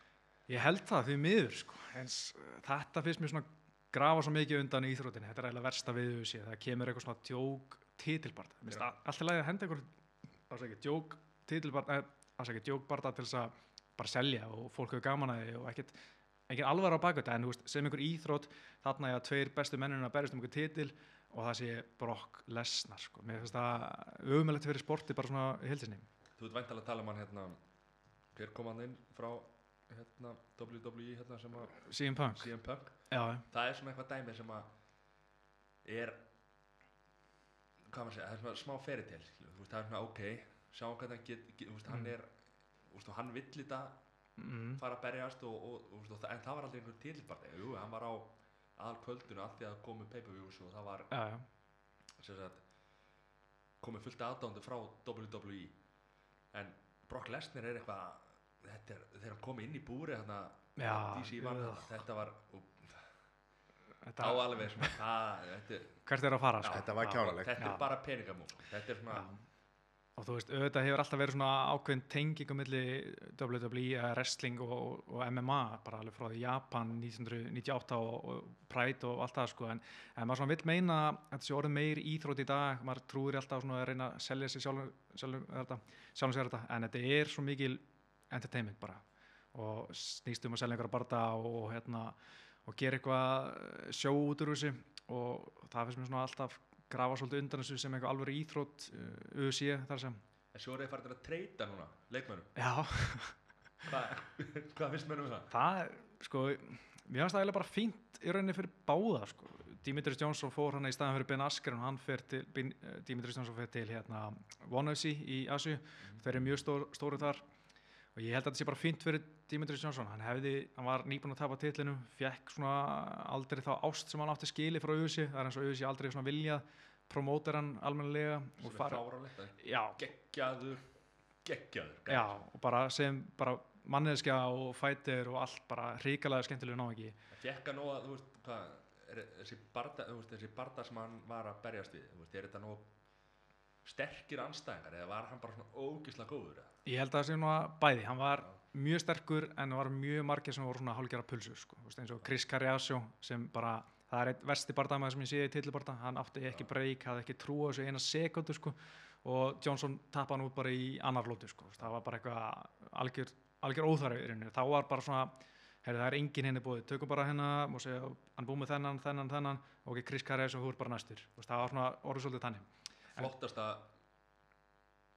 stór fullýringarna en örgulega með flottustu bara múfin sem ég hef séð í MMA var þegar hann tók hérna gæjan og hendunum upp og tók hendina á honum og krækt honum undir sig og þetta var bara eins og ég fyrir bíó eða í, hvað sem var, vídeo, vídeo hérna, Já, ég hef aldrei, bara var þetta þessu Jackie Chan mynd bara? þetta var, Já. þetta var, þetta var störla sko. þetta var fáralegt sko er bara þetta ég- ekki eitt flottasta múf bara sem að bara alveg klárlega bara flottasta submission sem ég nokkuð um að sé sko. ég hef aldrei séð þetta áður, ekki eins og í jutsu eða neinu, bara maður aldrei séð þetta áður sko. Djúvill er ég vel undirbúin Ha? Og talandi freak show, hvað er hérna Chris Cyborg, það vill lengi berjast á hana nei, en hún er farin að þetta- og sko, Chris Cyborg, það er náttúrulega mjög skrítin hjá henni í jösi, hún er bara hingað til í jösi, er búin að vera að buffa einhverjar stelpur sem er, er í reyni flokknu fyrir niðan Já. í 135 betta, hún er búið 100 til nýr flokku fyrir hana. Já, og það hefur verið einn annar barndagi í 145 betta flokk í jösi sem er ekki tillibardagi annars hefur bara verið Cyborg að berjast við einhver stelpur sem er ekki eins og hennar flokki sem eru bara, herru, hérna við hendum hérna þessari stelpur sem er í léttara flokki upp í Cyborg í einhver tillibarda og Cyborg bara hefur verið að buffa þær. Þetta er bara eins og, þú veist, hvað Nú ætla ég að koma með eitthvað geggja lýsingu hérna en það var, ja, mistókst bara, þú setur bara músin í bara ljóns herbyggi eða eitthvað já, já, e- þetta er eitthvað þannig Geymið þú ljónin í veist, inn í búr með einhverju ljóni sko. þú veist, þú setur ekki að því að, hvað er hún er 145 5, hvað er það þú, veistu það? 66 66 en hún er samt 75 8 kíló sko Já. hún er bara að skera meira. mikið já, samt alveg, slatti sko Já, hún samt Ég, alveg, sko. Líka bara vöðu, sko. já, ég veit að, þú veist, þetta er bara hún er bara eins og kallmaður sko. Ég ætla bara, sorry eða þú veist, ég var í það var, hver var það, Chris Weidmann eða ekki sem var, hérna hún lendi ykkur bífi við einhvern og hún ætlaði að fara að ráðast á einhvern á einhver blaðmannafundi og hann var bara hrættur sko. já, býttu nú, hvað var það það var, ég man ekki alveg hvað það var, sko. Það var eitthvað, hann var bara skítrættur sko. hann bara bakkaði niður og hann er stór já, En ok, tölum þá um, um Chris Weidmann af því að hérna, Mattias er, er eitt stærsti, stærsti aðdáðandi hérna, Matsera. Já, og, og hérna það eru fleiri hérna sem eru maður sverra greina Hann- hann hann er ba- að fokkaði bara. Ha- hann bara, þú veist, hann sér ekki sóluna fyrir hún og, og hérna, og hann hlust, er alltaf að hlusta á hérna UFC Unfiltered og, og hérna og já, það er bara hans, hans hérna, átrúnaða góð Mattias, ég er ekki að segja neitt sem að hérna, er bara ekki satt fáður herbyggið Herru, og svo, og, og, og, og náttúrulega, hérna, Chris Weidmann er í, í, hérna, í kampinu, eða er í, í hérna, hjá, hjá honum Matsera, og hvað, þú, þú vilt meina að ég er að spyrja, hvað, Chris hvað, Weidmann sé er, er Chris, Ma, er, Weidmann er Chris Weidmann, er að búinn? eða? Já, það lítur út fyrir að vera það hann er hvað bú, með fjögur töp í síðustu fimm bardum var bara nálægt í að tapa mér þess- þessum eina barda sem hann vann og ég veit ekki hvað það er en, en ég menna öll Ég þessi er töp bara með kenningu sko. eru Það var bara eftir- ekki að berjast í New York. Já, það er náttúrulega eitt, öll töpinn og eh, allir barðan held ég er eftir, er í New York. En hann er líka, þetta er allt eftir að USADA kom, hann er maður svona spyr sig aðeins. Er þetta bomba? Já, hann er ekki, hann er einn barða síðan að USADA kom, en, en, en ok, hérna, En hann lítur samt ekki, nei, nei, en, veist, ekki eins og margir sko, en, en Nei, nei. ég skil hvað ég skil hvað það já, var. en hann er samt sko, ég hef alltaf verið svolítið vætmann maður, þráttur í Jésús talið hans og svona alltaf. Mhm. Æ, hérna, þetta er svona bara ekta svona hardworking gæi bara sem hefur bara átti bara mjög erfitt sko um All tíma. Og, og hérna, Já, já, og a- allur pakkin einhvern veginn. Og kom vel fyrir og alltaf og var svona alveg ágætlega skemmtilegur. En hérna, ég veit ekki hvað gerist hjá hann hann bara var buffaður af Luke Rockhold og hefur ekki verið svo samið síðan sko. en svo, svo reyndar svo tók eitt e- einpæling með Chris Weidmann, hvort hann hafi verið bara að hitta á nákvæmlega rétta tímana því hann var svolítið að buffa gamla kalla tók Andrós og Silva sem var mögulega þá búinn, skiljum svo Líða Thomas Hita sem hefur ekki gert mjög mikið síðan þá og svo Vito Belfort sem náttúrulega hefur ekki gert neitt síðan þá. Þannig að maður velti fyrir sig hvort hann hafi bara hitta akkurat á rétta tíman að taka gömlu brassana og henda þeim út. En svo, ég meina, hann var að, hérna, var að berjast við hann, hérna, kolumbíska, hérna, Kólubiska já, frá Kolumbíu ekki? Pablo, Pablo, Nei, Pablo? Escobar. Nei, frá hérna, nei, shit. stala um Shakari Nei, hann hérna, hermarinn hérna frá, hérna, já, Kúbu, Kúbu. Jól Romero Kolumbíu, Kúba? Jóli Romero, sko, hann náttúrulega bara hljópi eitthvað veist, hann bara, já, hann datt niður, þar var hann bara mjög óheppinn, sko. já, samt sko, hann var búin að vera að fara í sömu fellinu allan tíman að fara svona í, í singuleik og Romero var heldur bara búin að lesa þetta Allir eru konum með atvinnum, hann, sko. hann var að, þú veist, hann beigir hausin niður og Romero er náttúrulega bara með við, viðbjörg kattarins og stekkur upp með nýð og smellítin náttúrulega, bara eitt brútal, mest brútal sem maður séð sko, en, en ég held að Romero hafi svolítið lesið þetta bara. Og þetta er líka ekki, hann er með einhver sko þrjú, fjögur rótök eftir fljúandi nýð sko. Sko, þe- þetta er ástæðan við fengum því hérna, það er svoleiðis. En hérna, ég ætla að klára aðeins hérna Chris Cyborg, af því að þú var, Mats er þess að flottur, sko, þó að, að Chris Weidmann sé búinn, sko. En hérna, Amanda Nunes, já, það er að fara slást. já það verður skemmtilegt sko. Þetta er, Það verður þarna sittalegt, sko. er eiginlega svona fyrsta svona, eða kannski önnur alveg áskorun, ég meðla Holly Holm barndaginn var mjög góður gegn Cyborg. Holly Holm stóð ágætla í henni. En svo bara kom Cyborg og síndi þarna. Er, og er ekki bara svona einhver brute force og var svona með taktísk og tæknileg og klára þetta bara eftir dómarókurum það var svona mjög flott bara svona allega framæsta hjá henni sem, Holm, martial artist. bara svona aðeins sætt, hérna, er Holly Mhm. Holm harðasti bardamaður í auðvitað? harðasti, Nei, þú veist eins og hérna, þegar hún, var ekki hún sem var, töpp, var svæð bara, sopnaði bara, var að berja út í, já. Hún hættir, hún tappar ekki út, sko. nei, nei, nei. Ég, ég veit ekki. Eða þú veist, með mesta viljan, ég veit ekki. ég, já, sko, Ég, maður aldrei séð, sko, svona, þetta er alveg gerast alveg nokkur sinnum sko. Já.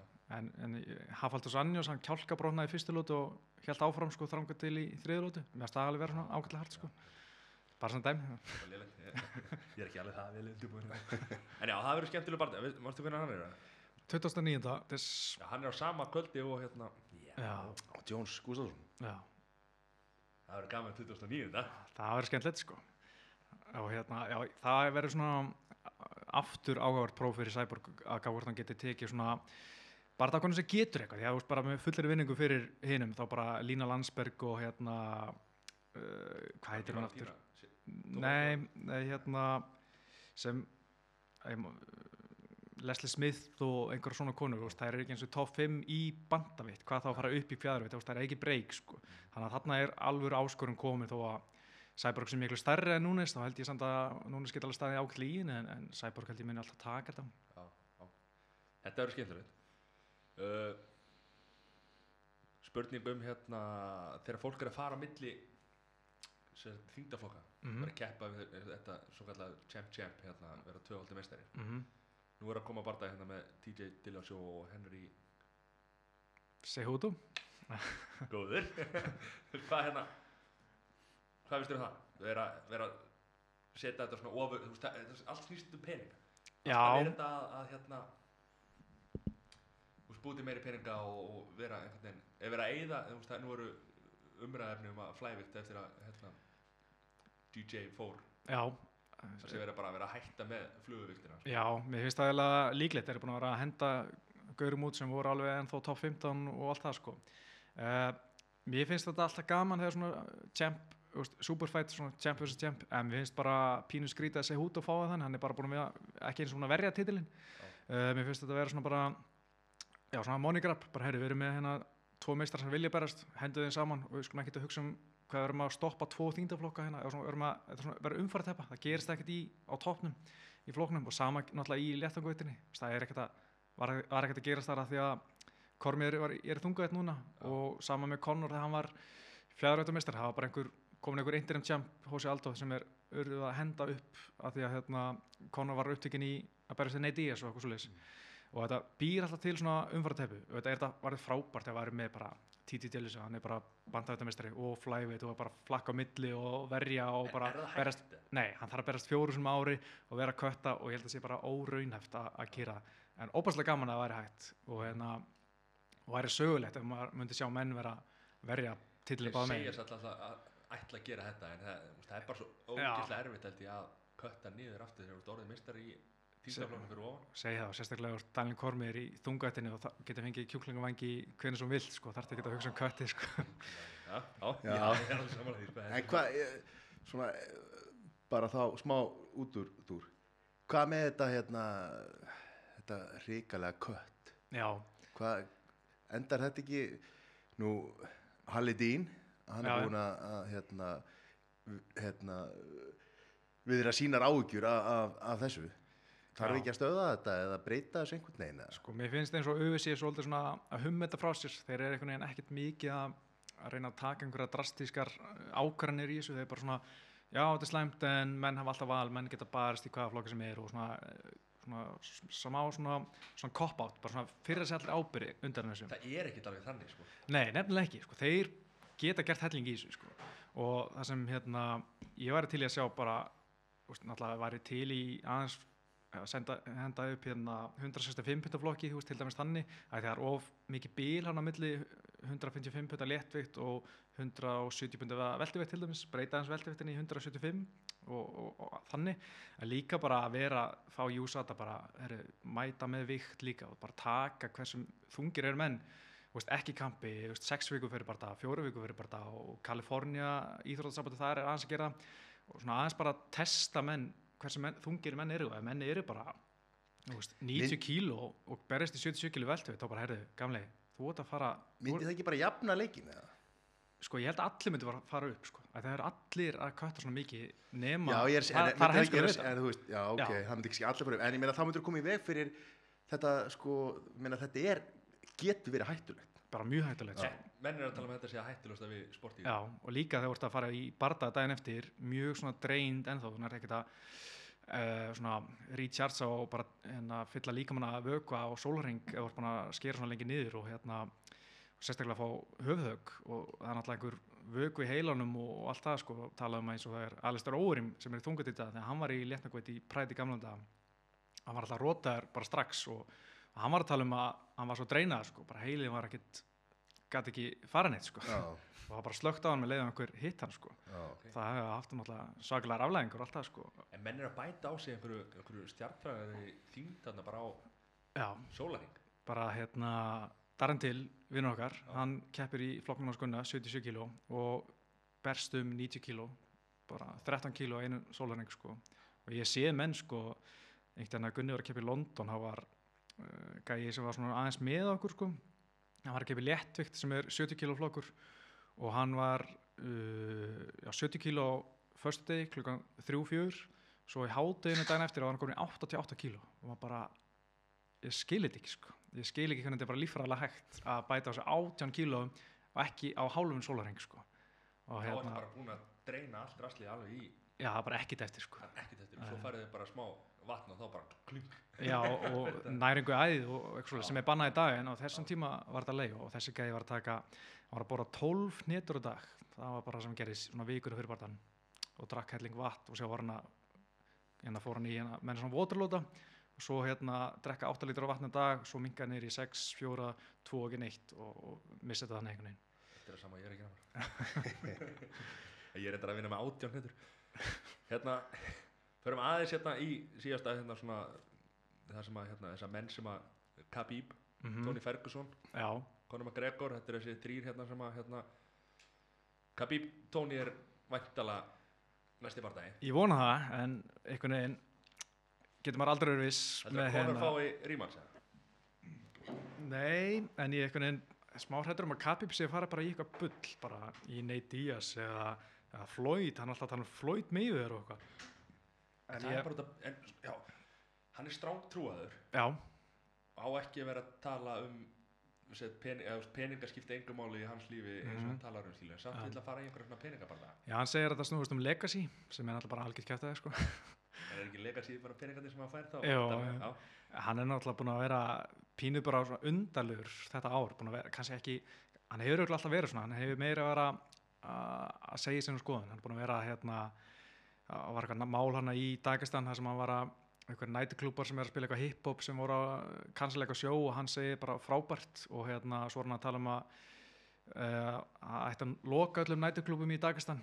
Að það væri bara flott mál og þú veist, og alltaf svona láta svolítið, svolítið ljós svona rótæka skoðanir um bara að fólk á bara að vera ekki að drekka, það er bara aðstæðanlega að drekka og það gegn minni trú og og já, fólk á bara að haga sér eins og ég og fara að stemma svo og, og, já, og yfka sína trú, skilja eitthvað þannig sko. já, já. og hérna, það er svona kemur pínu óvart og svo er hann alltaf að hanga með hann hérna Ramsan Katirov, hérna einræðsæran í, í, Já. og þú veist, maður svona mér varst það mjög nettur einu svona, bara mj- fílar mjög mikið en núna svona er maður að sjá aðeins aðra hlið á hann sem ég er ekki alveg að fíla sko.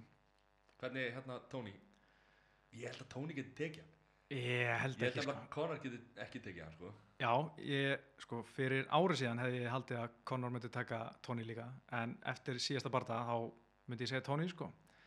já, ég er að tala með eins og með Khabib sko þú veist að því að hérna já, ég held að Tony geti tekið Khabib Já, ég, því að, þú veist, hann er góður á bakinu að berja upp fyrir sískilu og, og, og, og honum, hann er svo ég held að hann veit ekki sjálfur hvað hann er að fara að gera sko, þegar hann er að fara að slá nei, nei, nei, nei. hann er með högg og, og spörk og eitthvað, og eitthvað ég, held samt bara að Kabi geti alltaf stoppað þetta, hann er sko, eins og með Júitsu, það er maður sér alltaf minna minn í dag að menn að bakinu sé að tapa menn út það er alltaf erfara og erfara því að menn er orðin svo góður ofan á. Og það er svona minna uh, erfara ná söpa bakinu bara almennt í Júitsu og hvað þá er að kýla í andliti.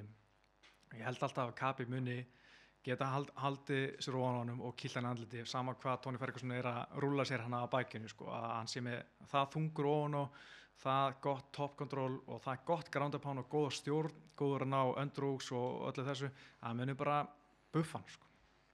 ok, verður hann bara meistar þessum með þrjum, hvað tekur titilin á hann? Nei, ég held að hann bara hættið eitthvað, en svo allt í hennu ég held að þetta verði eitthvað svona, einhver steik sko, hann, Já, það. hann verður sýttið titlinu fyrir eitthvað, ná ekki vikt og ég sé ekki fyrir mér hann bara Tiramisu já, eitthvað svona, þetta verður eitthvað, verður eitthvað rugg með hann, bara búið að vera svona svo skrítið með hjá honum í síðustu ára, ég held að hann einhvern veginn að verði einhver steik, hann að er verði eitthvað. Steik í gangi hérna, hann, er með, hvað er með marga barða?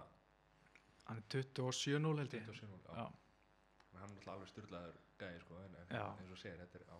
En svo líka, þú veist, hann 27-0 og er búið með helling í, í sambo, eða combat sambo, combat sambo er rúsnesk bardæðurót og þar er svona, eru menn í svona júdogalla eða júdotopp og stöpusum og þar eru menn að bara basically eins og MMA, þú ert í, getur kasta mönnum með gallanum og, og kýlt og sparkað. Og hérna, hann var í því lengi áður en hann fór í MMA og þess vegna eru svo margir þessu rúsa góður þeir koma svona full mótaðir bardamenn í MMA þetta er búin að vera svo lengi í combat sambo og hérna, en svo getur vel verið að hann er búin að taka meiri skada í combat sambo og MMA og allt í hennum bara er hann bara búinn. Hvað er, er hann aftur gamall?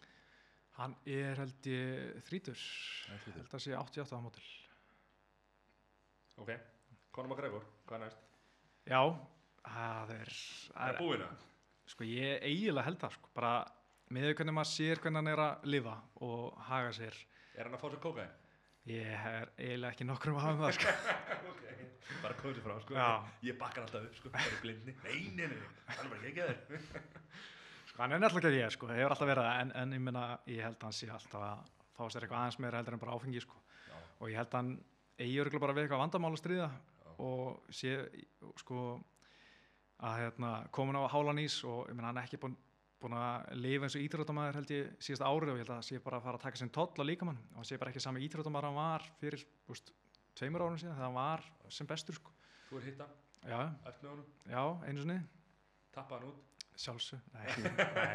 Það sem gerist á mottinni, það fyrir Já, það var mjög steikt sko, það var, var eina fyrir uh, Diego Brandao barðan 2014 og þá var ég hérna, langar hann að fara að æfa á sunnundaskvöldi klukkan 1 á nóttina. Og þetta var eitthvað svona, það var frítagar hennar daginn eftir. Og ég var með líkla gimminu þannig að við fórum hana tíu saman eitthvað, einhverjir írar og vorum að æfa sko, það var bara mjög gaman sko. Þannig hérna glýmdi ekki aðeins við hann, að eina, eina skeitt sem ég ætti með hann, það var mjög góður sko. Mjög góður að glíma, það er margir sem haldur að hann geti ekki að glíma, hann Já. er mjög góður að glíma. Hann, hann er fýtt fít barðamaður. Já, já, já, algjörlega sko. Getur eitthvað, hann er svona, kann ímyndilegt fyrir sér. En hvað heldur að, hérna, heldur að sé að, hérna, eins og maður segir, hvað, hvað, er, hvað er hann að fara að gera?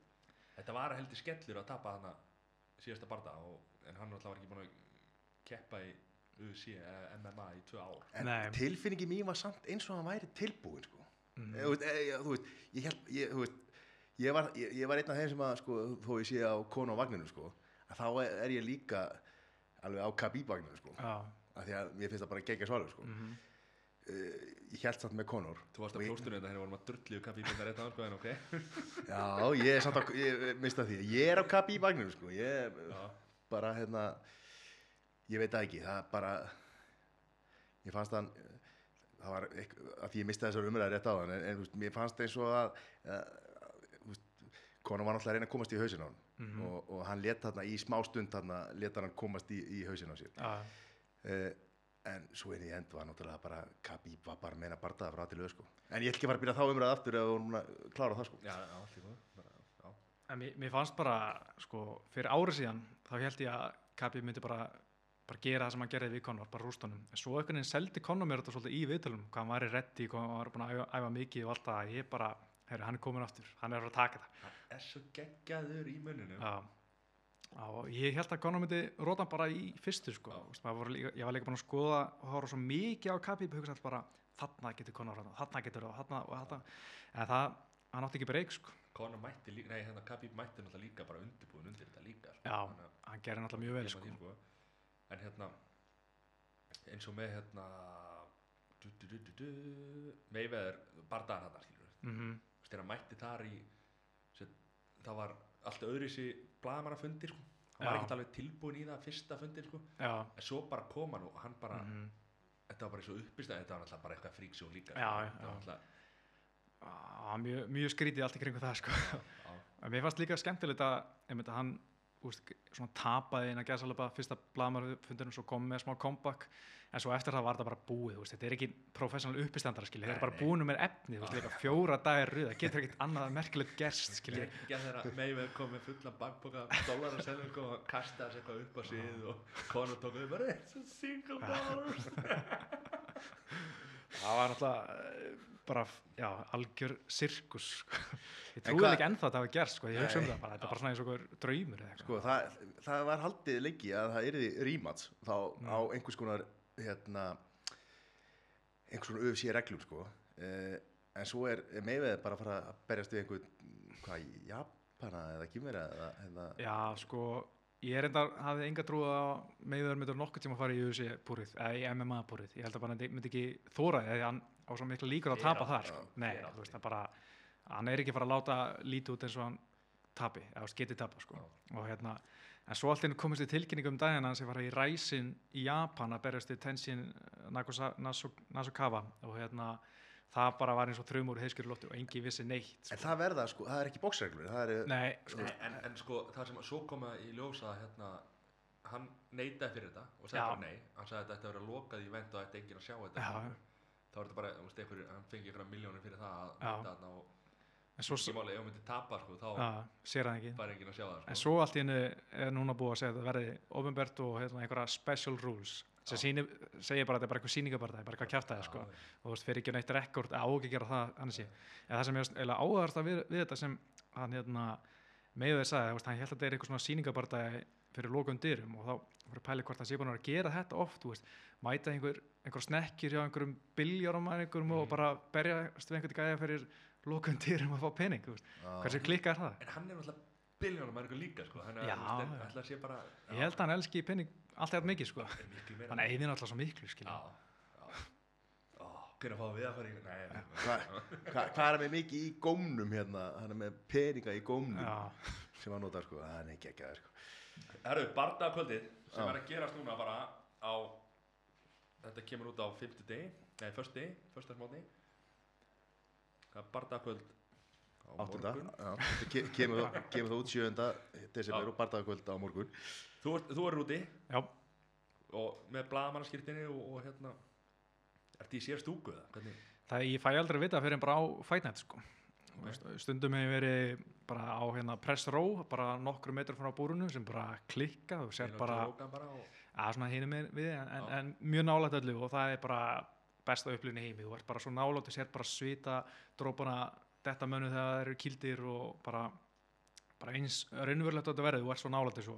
En svo stundum bara ég fengi bara með upp í stúku sko, sem Já. er ekkit, ekkit eins skemmtilegt skilja en maður þú veist, sætt sér alveg við það sko. að sjálfsögðu, já. en ég veit aldrei fyrir bara á fætnat hvar ég er sko. en hérna, Nú var Gunni, hérna, hann átti að vera á, hérna, Prílims, mm en hann var, var hérna, einhver meðsli og, og hann var einhver barndað sem dattu upp fyrir. einmitt Þannig að hérna, hann verður á aðal bardagakvöldinu. En hann er fyrsti bardagi þar, Nei, en ekki um tvö ég var nú tvö flottur. Er Jimmy Mano að fyrstur það? Nei, hann er nummer þrjú Ég ætla að taka fram að þessar upplýsingar voru teknar af uh, fréttaskýringu þættinu þínum Nei, netinu þínum Nei Já, e- ok, hvað hva er, hver er fyrst í bardagi? Ég held að það sé Kyle Bosniak og hérna Hakim Davoto. Já, ég er náttúrulega lesblindur, það er svona skrifaði Ah. það ekki til.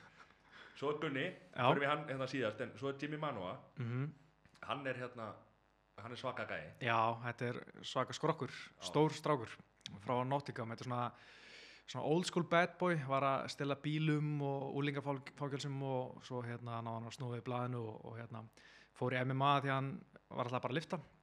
Svo reyfa hann brjóssu þegar hann var að uh, var í backpressu, var að lifta einhverjum 180 kílum og reyfi brjóssuða og fór í, eh, fór í kickbox og hérna síður í MMA og hann er eiginlega svona semi-lukkutýri hans gunna því hann er, þessi Hann var í London eða ekki? var búin að vera í London tvísvar, uh, var í Nottingham þegar báður var að berast fyrsta barða í þessi og ég held þessi fjórða eða fymta sinn sem báður eru á sama kvöldi og Gunni var alltaf unnið þegar hann er á sama karti og Jimmy Við erum ekki að fara að jinxa þetta, það verður bara að gerast aftur hérna. ja, en Jimmy er ekki unnið ekki alltaf unnið þegar hann er með Gunnar sko. Það er bara að sitja á það. já, Okay, Það skiptir okkur engu máli. okkur alls saman já. Hann er móti, fara á móti hérna Tíko Sandor sem er geggjaður strækja líka þannig að ég held að þetta verði bara svona slöggfest og ég er mjög spenntið fyrir þessum barða þetta verður svona veist, barða sem aðdándur heima veit ekkert hverjir eru en, en munu, munu eftir þeim eftir hún Þetta er rosa, þetta er, þetta er flott kv- kvöld, sko. já, klálega sko. Þetta er alveg hérna, svo er hérna Valentína Shevchenko og Jóhanna, gáttu með það nei, ekki með það. ég kallar alltaf bara Johanna. já, já, ég er búin að sjá hana live já, byrju í New York í New York. já, Þegar var hérna, hún og Rose, þegar hún tapaði tillinum á móti hérna, Rose eh, Yamanunes. Nama Jónas Nana, Nana. Nei, en þetta er Joanna Junjacek Joe Jensen, Já. já, hún er pólsk. Þetta er, og, og Valentína er að fara þessi, niður um þingdaflokk og Jóhanna er að fara upp um þingdaflokk. Já, þetta er nýr flokkur í rauninni, ég veist, fluguveitin. Þetta er svona árskamall flokkur og hérna það er búið að vera mikið basl með meistar, meistarana þar. Það var hérna Ultimate Fighter serja, Sigurinn þar, eh, Nico Montano, hún, eh, hún vann sérst að þá serju jöngtjan í fyrra og átti síðan að var lengi meitt og eitthvað átti að vera titilin núna í september en hún klikaði viktinni, skeita á sig og átti að mynda að keppa við Valentínu Sissenko Já. og var svift titlinum og núna er, er að búa til þetta svona Það er ekki mistur að það núna. Nei, þetta er bara laus titill. Já, og þær eru að keppa upp á titillinu. Já, og Valentíni Sessenko var í bandavætt og barðist uh, um titillin þar við Amanda Nunes en tapaði uh, eftir mjög tæpa dómarokurinn í freka leiðlum barða samt sko Já. og hérna og þannig að það er, uh, Það er eina sem að hræði maður svolítið við hérna Núnes Já. Chris Cyborg bardana því að þetta var ekki nógu góð bardagi sko. Nei, en Sessenko er samt svo trikki, hún er svo mikið að counter, ég held að Nunes hafi verið smá hrætt við það og ég vona að Joanna Jindesek verði ekki hrætt við að pressa við gegn hérna Sessenko því að Sessenko er svo góð að counter, hún er svo lúmsk og, og margar eru svona hikandi gegn henni. En, en, en ég vona bara að Joanna fari bara ekki all in og þannig að það er búin að keppa þrísar áður í Muay Thai. Þær tvær, ok, já, og það sem uh, Valentína vann alltaf.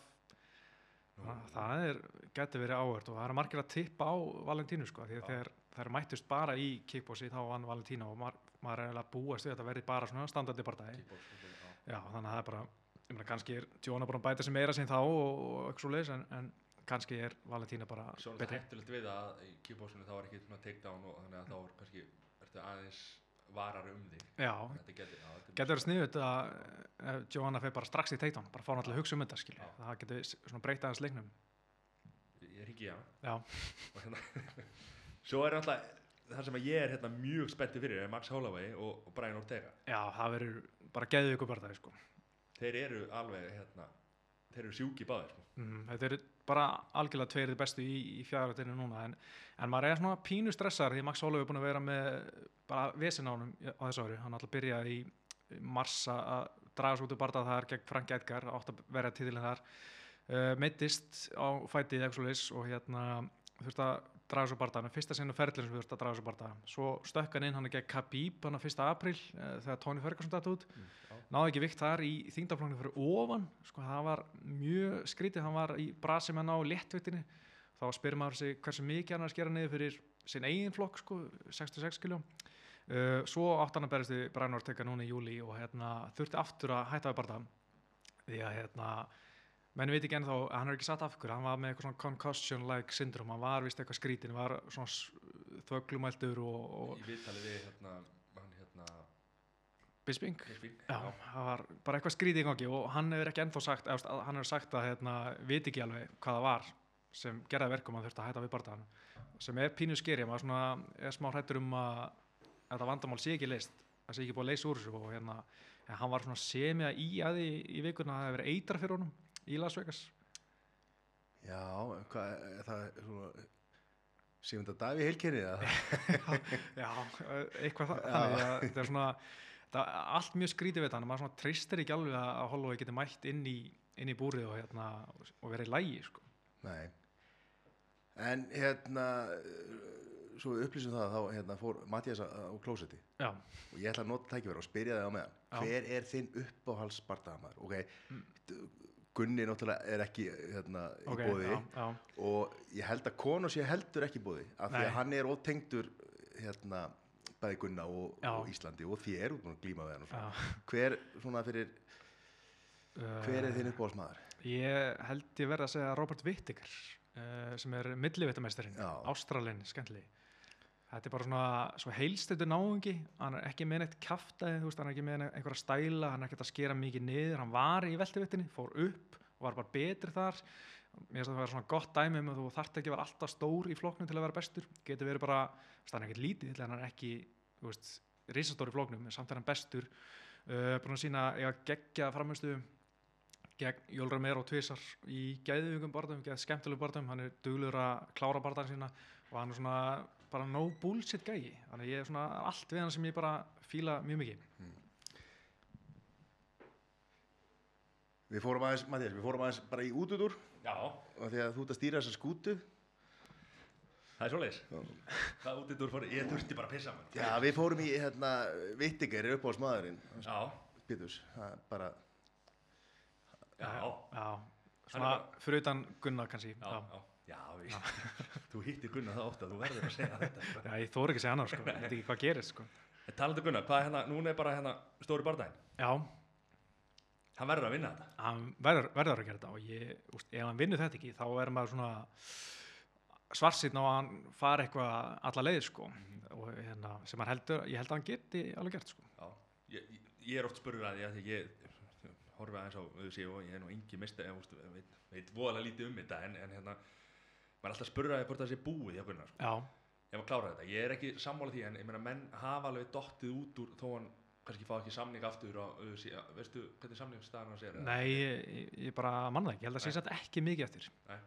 En allan að menn hafa verið köttar út mm. -hmm. standaði síkinu á vel skilur ég meina, getur alltaf farið út úr auðvitað og komið svo aftur Já, já, þannig að þetta er aldrei búið nei. en hann þarf að rífa sér í gang og fara að vinna nokkra bardaði rauð sko Já, ég vona innilega að, næsta ár verði árið sem er búin að býða eftir lengi. Hann hérna, verið heill helvitis lífbúlmaður hérna með næsta það. ár með Gunnar ha, það er alltaf næsta ár Já.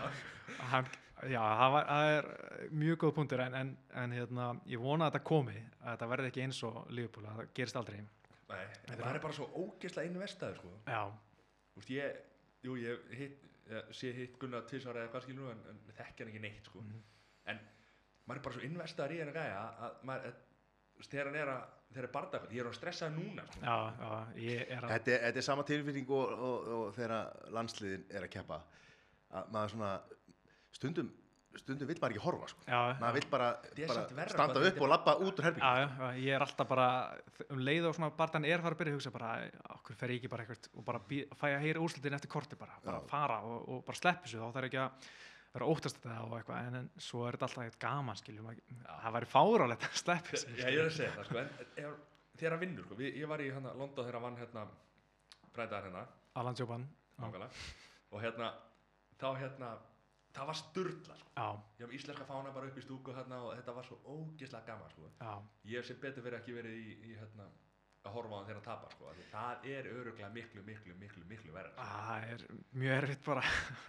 Ég var, ég hef verið öllum barðanum og Rík Stóriðtabbi var alveg erfitt en, en úst, maður var ekkert eitthvað svona alveg, úst, það var leiðilegt en, en svona, það var alveg jafn barðaði framan af og Rík Stóri bara betri þetta kvöld og ekkert mál og bara læra af þessu Demi að mæja barðaðin, þá var maður bara að ég var svo, ég var svo sigurvis fyrir þann barðað, ég var alveg nokkuð vissum að Gunni myndi bara taka hann sko, en hérna það var ekki og hérna En var hann, var hann ekki slappur eða var hann veikur eða eitthvað, var hann hvernig var hérna, Já, bara svona eins og hann að fengi eitthvað svona, hann var bara orkulaus eftir tvær myndur sem bara eitthvað skrítið og hann, hann fann fyrir þessu í hérna Suck Cummings barndanum sem var hann í júli 2014 en þá hérna kikkaði inn bara allt í henni í annar lóti, þá bara kikkaði orkan a- allt í henni inn og hann bara svona eins og hann var settur í samband. Mhm. en það bara gerist ekki gegn Damian Maia og, hérna, og þannig tapa hann. En, en svo veit maður aldrei, kannski er bara Damian Maia betri barndamaður en hann, ég, ég veit ekki. En, en, en maður Gunni, sko, ég held ekki. Já, maður vil meina að Gunni geti gert annað betur en þetta. Og, hérna, og þó hann alveg gert vel í að lífa af og allt það en,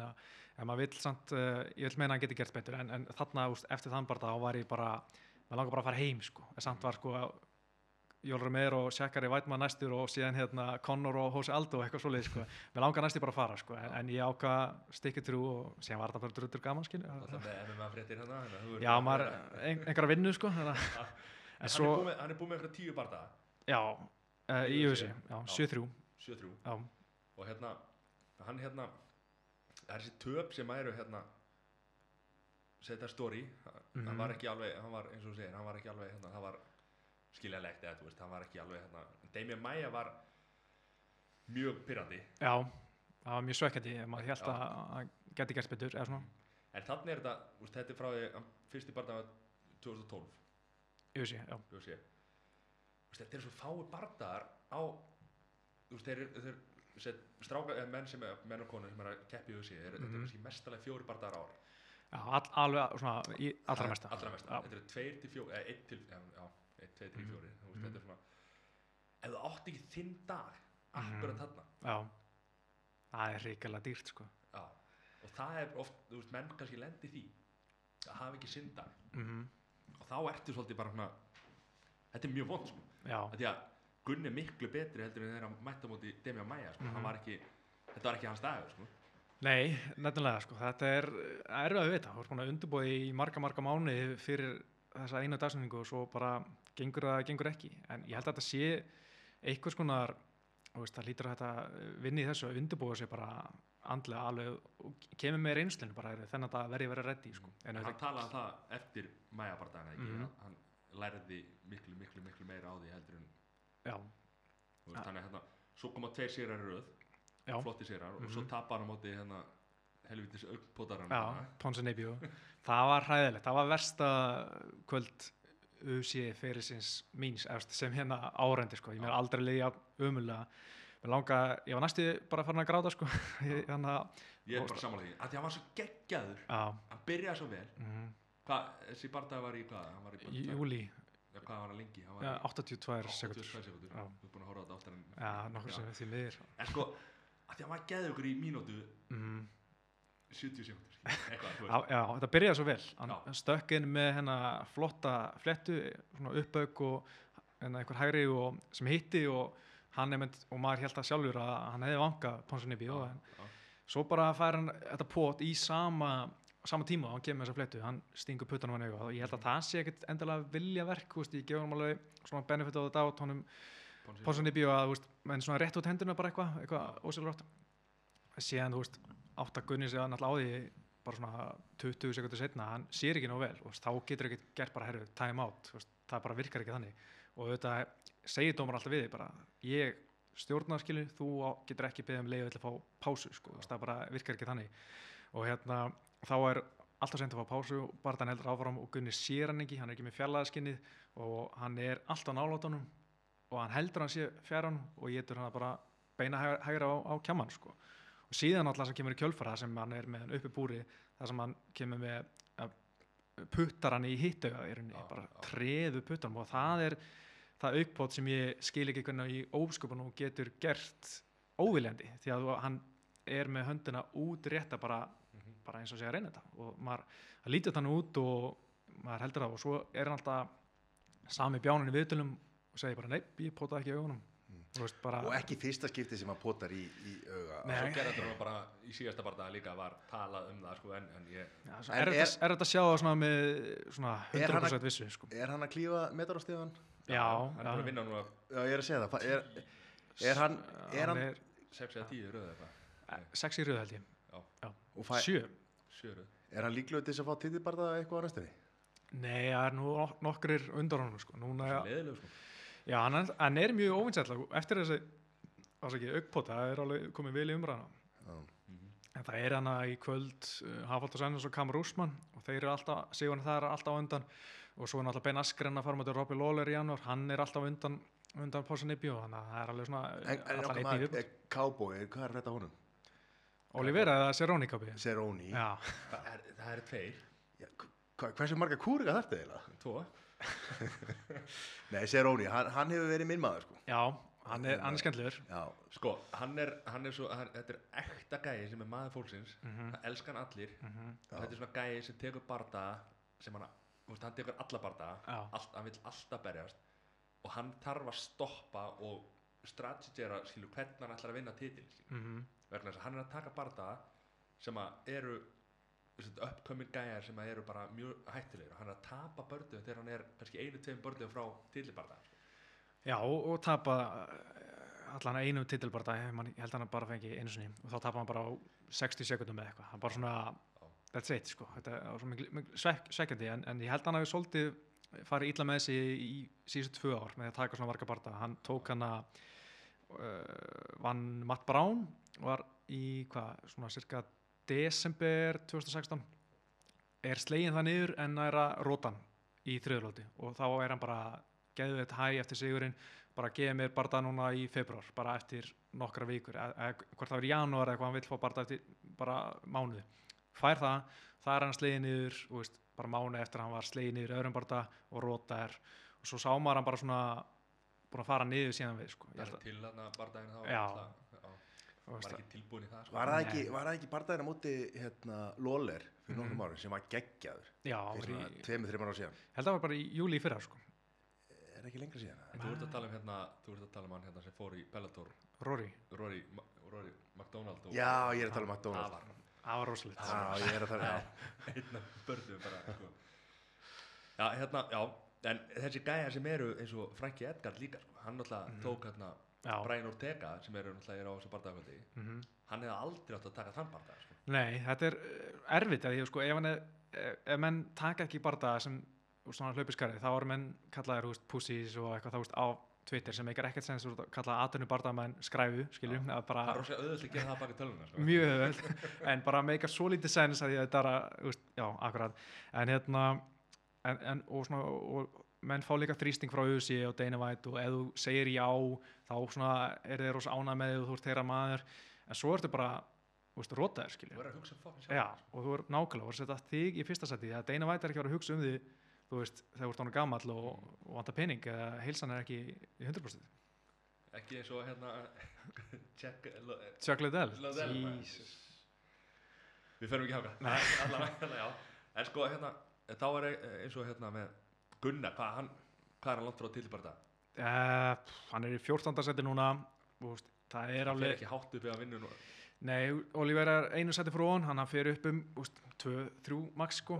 Uh, hann ég held að hann þurfi alltaf sko, allan að þrjá barða til þess að vera komin í umræðan sko. en, en það fer rosalega mikið eftir í hvern þú færð og hvern þú vinnur bara eins og Darin til hann var búin að vinna 0 rankaða anstæðinga þegar hann fæði Donald Cerrone sem er þá í top 10 yngstar vinnur hann, fær síðan Stephen Thompson og svo titilbarða. Þetta er bara tveir flotti sigrar Þetta, svona- þetta getur gerst á skömmum tíma. Já, þannig að segjum að Gunni vinni núna Olivera og bara gera vel, fái síðan barndæði í London í mars gegn jafnvel, Stephen Thompson sem er nummer 5 eða 4 og vinni þannig, þá er hann bara komin í umræðina en svo En- fær hann ekki Stephen Thompson og fær einhver, einhvern annan sem er samastað þá tekur þetta miklu lengur tíma og þetta er svolítið erfitt að segja sko.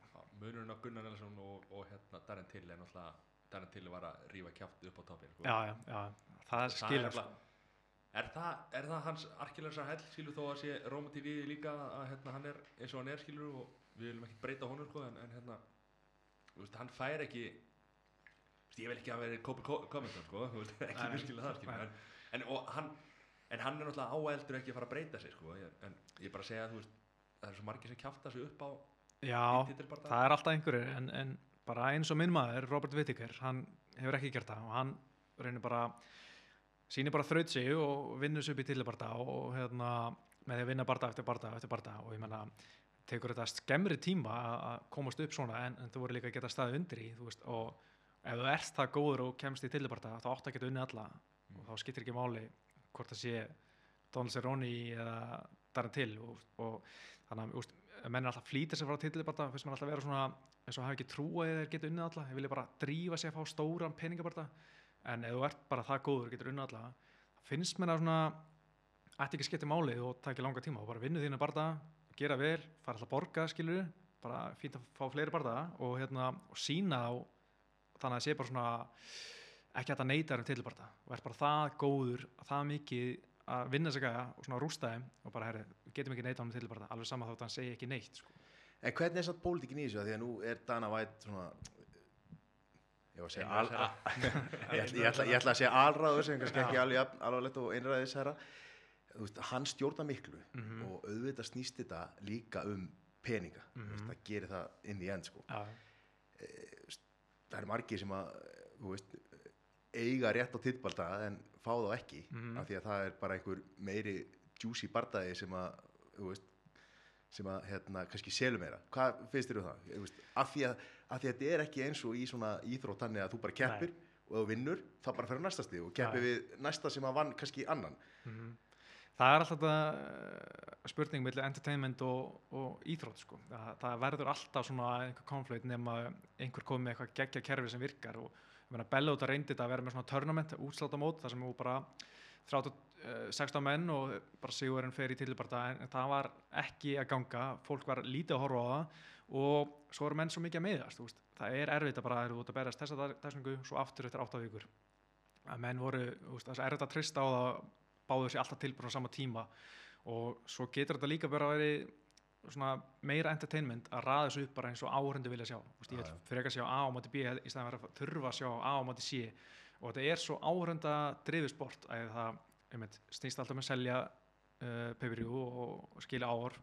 Og þetta er ekki eins og ennska úrústeldin væri bara herðið, það er miklu skemmtilega United, uh, byggarinn látum United mæta Liverpool í byggarum það er miklu meira áhorf fyrir okkur um græðum að því þeir veist, hafa auðvitað hagsmenn að gæta en þeir stjórnaði ekki já. er bara svona puppetmester í þessu Þetta er samt ástæðan af hverju hérna, fólk elskar sé frekar heldur eins og boxið var sko. mm, að því að þegar að þegar virkilega fólki vill sjá okkur að tvo berjast já, þá eru þið látni berjast eða látnir, eða, þú veist, þá er þeir setja upp bardaga sko. Í boxinu þá var það ekki tannig menn byðu bara eins og hérna manni Pacquiao og, Já. og Floyd Mayweather sko. þeir eru orðnir 95 ára sko. þeir eru loksis mm, stað búið að býða þessu bardaga í 15 ára sko. þeir bæði, báður að præm sko. en þeir vildi ekki gera þetta. Nei, það er einmitt alveg góð að veta kerfið þannig að við, svona fáum átt að sjá það sem við viljum sjá en, en það er svona komið aðeins meira svona fighter power í dag. Menn eru svona komið aðeins meira völd til að segja nei.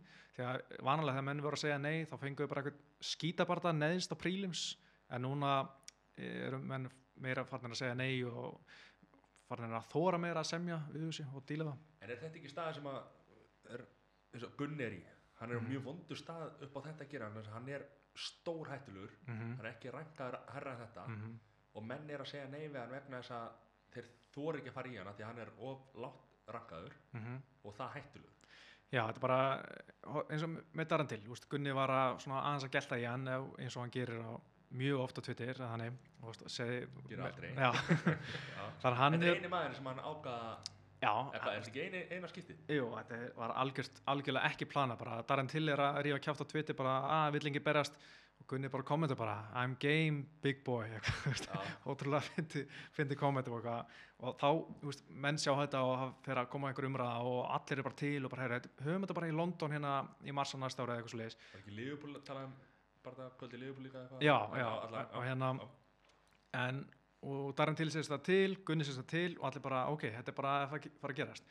En svo er náttúrulega einhverju menn á baku Darren til eins og umbúsmenn og svona sem segir bara, herru skulum býða frekar og taka bara það gegn Stephen Thompson sem hún getur fengið sem er topp 5 gæja, hann var nummer 2 á þeim tíma í stæðan var að taka gæja sem er nummer 12 og er hættulegri. Og þú veist, Darren til er alveg til ég berast í Gunnar, hann er ekkert hrættu við hann eina gæslapa en þú veist, auðvitað er miklu skeinsalega að taka bara það gegn Stephen Thompson sem hendar honum með þess að betur stræking bara, það er ekki að hugsa um fellina og hann er komin hærra hann er það, þú veist, menn svona auðvitað setja þetta upp það sem henda þeim langt best sko. Ok, uh, Gunni Wonderboy, já, sko, ég var svona Ég ætla ekki að spyrja þér bara fyrst að tala um þetta hérna, ég er nokkuð við sem að Gunni myndi taka þetta í dag sko. ég var, úst, fyr, fyrst þegar ég var að tala um þetta á 2015 hann var ekki svona alveg seldur á því hefur með svona Stephen Thompson ókslega góður hann en klikkaði sko. hann geggjar en Hann tók barda, tvo barda við mistaran já, tapaði, jafntefli fyrir bardaðanum mhm.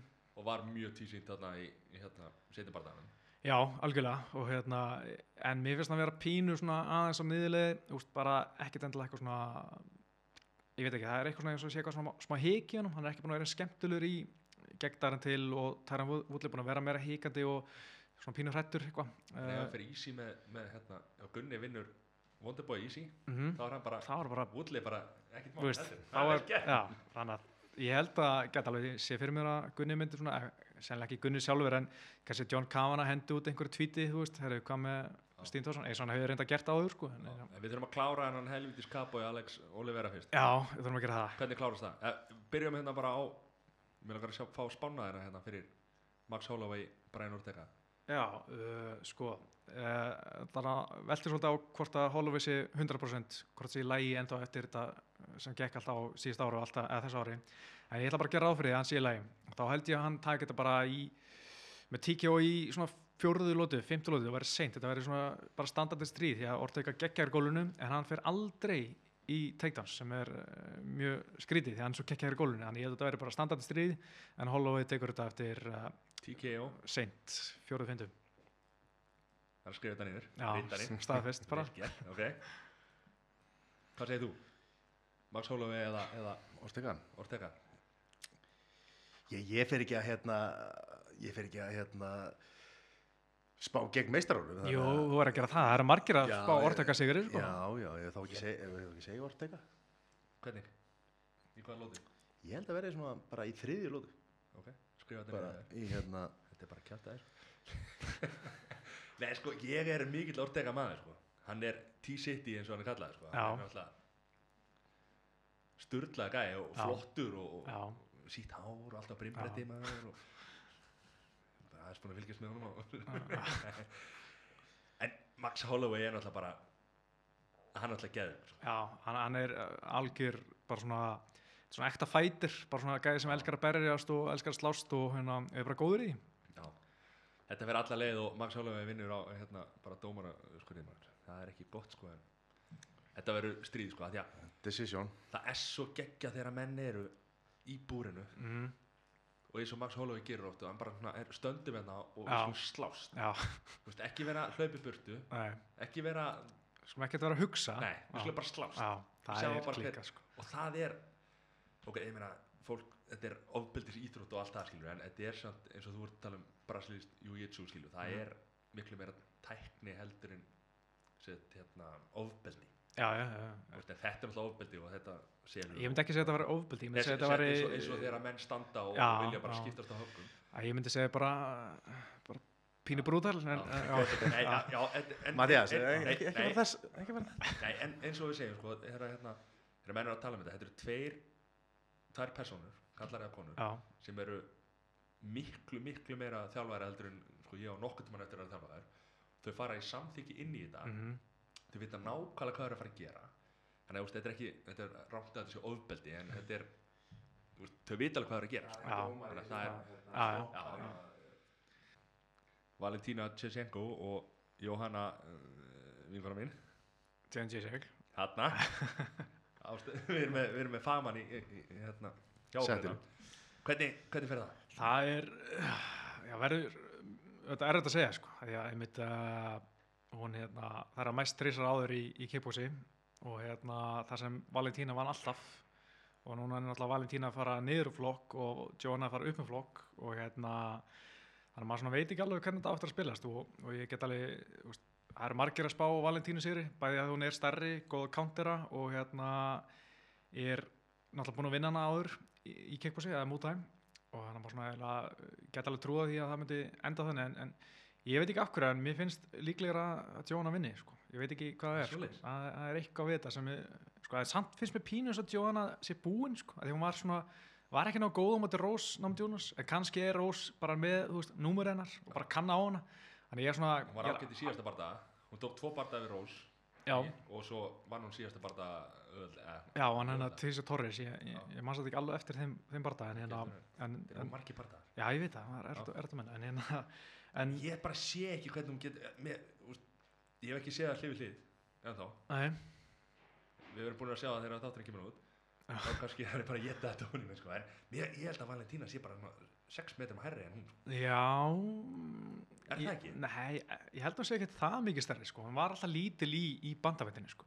Var, þú veist svona aldrei að skera neitt mikið niður eða neitt annað sko. en, en, en, en að ég held að það sé ekki það mikið að tjekka bara sé.com og hvað eru stórar góður. Já, hvernig fyrir þetta? Johanna eftir bara dómar okkur. Hún tekur, fimm, fimm lótu já, hún tekur þrálótur þetta verður tæft sko, jafnvel svona klófin dómar okkur. Og Valentína verður pyrruð ég, þól ekki Valentína, eða mér finnst hún alltaf vera hún er alltaf hótun sér, hún kennir alltaf öllum um þegar hún tapar, Já, hún er svo flottir, hún dansar, dansar sína hana. það er þetta mjög skemmtilegt sko. Okay. Ég er nefnilega ég er mikil, mikil Johanna aðdáði, sko, en ég, já, ég bara er ekki að sjá það fyrir mig, sko. Já, ég held að verði bara eitthvað eitthva gott jab og low kick í, veist, smá tíma og hún hérna siglir þessu heim. já, ég er til það. Hvað hérna, hérna er hún, hvað, Já, við erum að tjekka á hérna á, á upplýsingum um það, sko. herði, Það er fi- er stærri. Já, Já, Þarna þarf ég bara að geta hann sokkum, ég þarf ekki að býða frá 50 dag. five, five foot five og five foot six. Johanna er stærri. já. Þetta var líka áhvert því að Jóhanna hefur búin að vera svona kötta smá í, í strávættina og tala um að sé hamlenni svolítið. Kannski eru komin í sinn almennilega þýndaflokk núna og verði bara bestu framistöðu. Johanna var neina, Já. ég segi bara second round KO. Boom. Sæður. Uh, ég, hérna, ég segi Shishanko. Af því að, hérna, að því að hún er eiginlega með hérna, sama nafn og, og hinn stórgóði strækir sem Já. að endaði síðan í Chelsea með reyndar ekki droslega Nei. árumri en ja, hann hétir þetta Shishanko en, en hérna, Ég held að það sé ná, nákvæmlega eins, sko. já, hann að hérna, bara fyrir það Er sko. það sískinni? Nei, þau eru ekkert skildi, ég var búin að tjekka þeim. Já, ok. Í miður, sko, ég var, ég var svektur. Já. Ég segi Shishanko uh, svona hún annari lótu svo Bishop Já, Ok. það var lót. Jimmy Manua Tiago Santos Já, það verður bara standardi stríð. Ég er mjög spenntið fyrir þeim bara. Ég er alveg nokkuð við sem að það verður bara fight out the night, sko.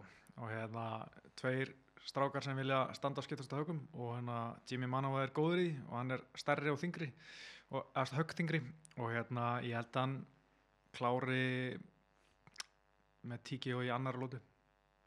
Ok, þetta skrifa þetta niður eða? Þú ert Þú með, ætlar að hlusta á þetta aftur bara, ok? já þú varst með, ert með Hérna. blaði sko. Nei, það er það Hérna, góður Hérna, Jimmy Manua tapaði síðastu var það Já, hérna, uh, hver var þetta, var ekki Já, Jan Blakowicz ég veit ekki það Já, ok.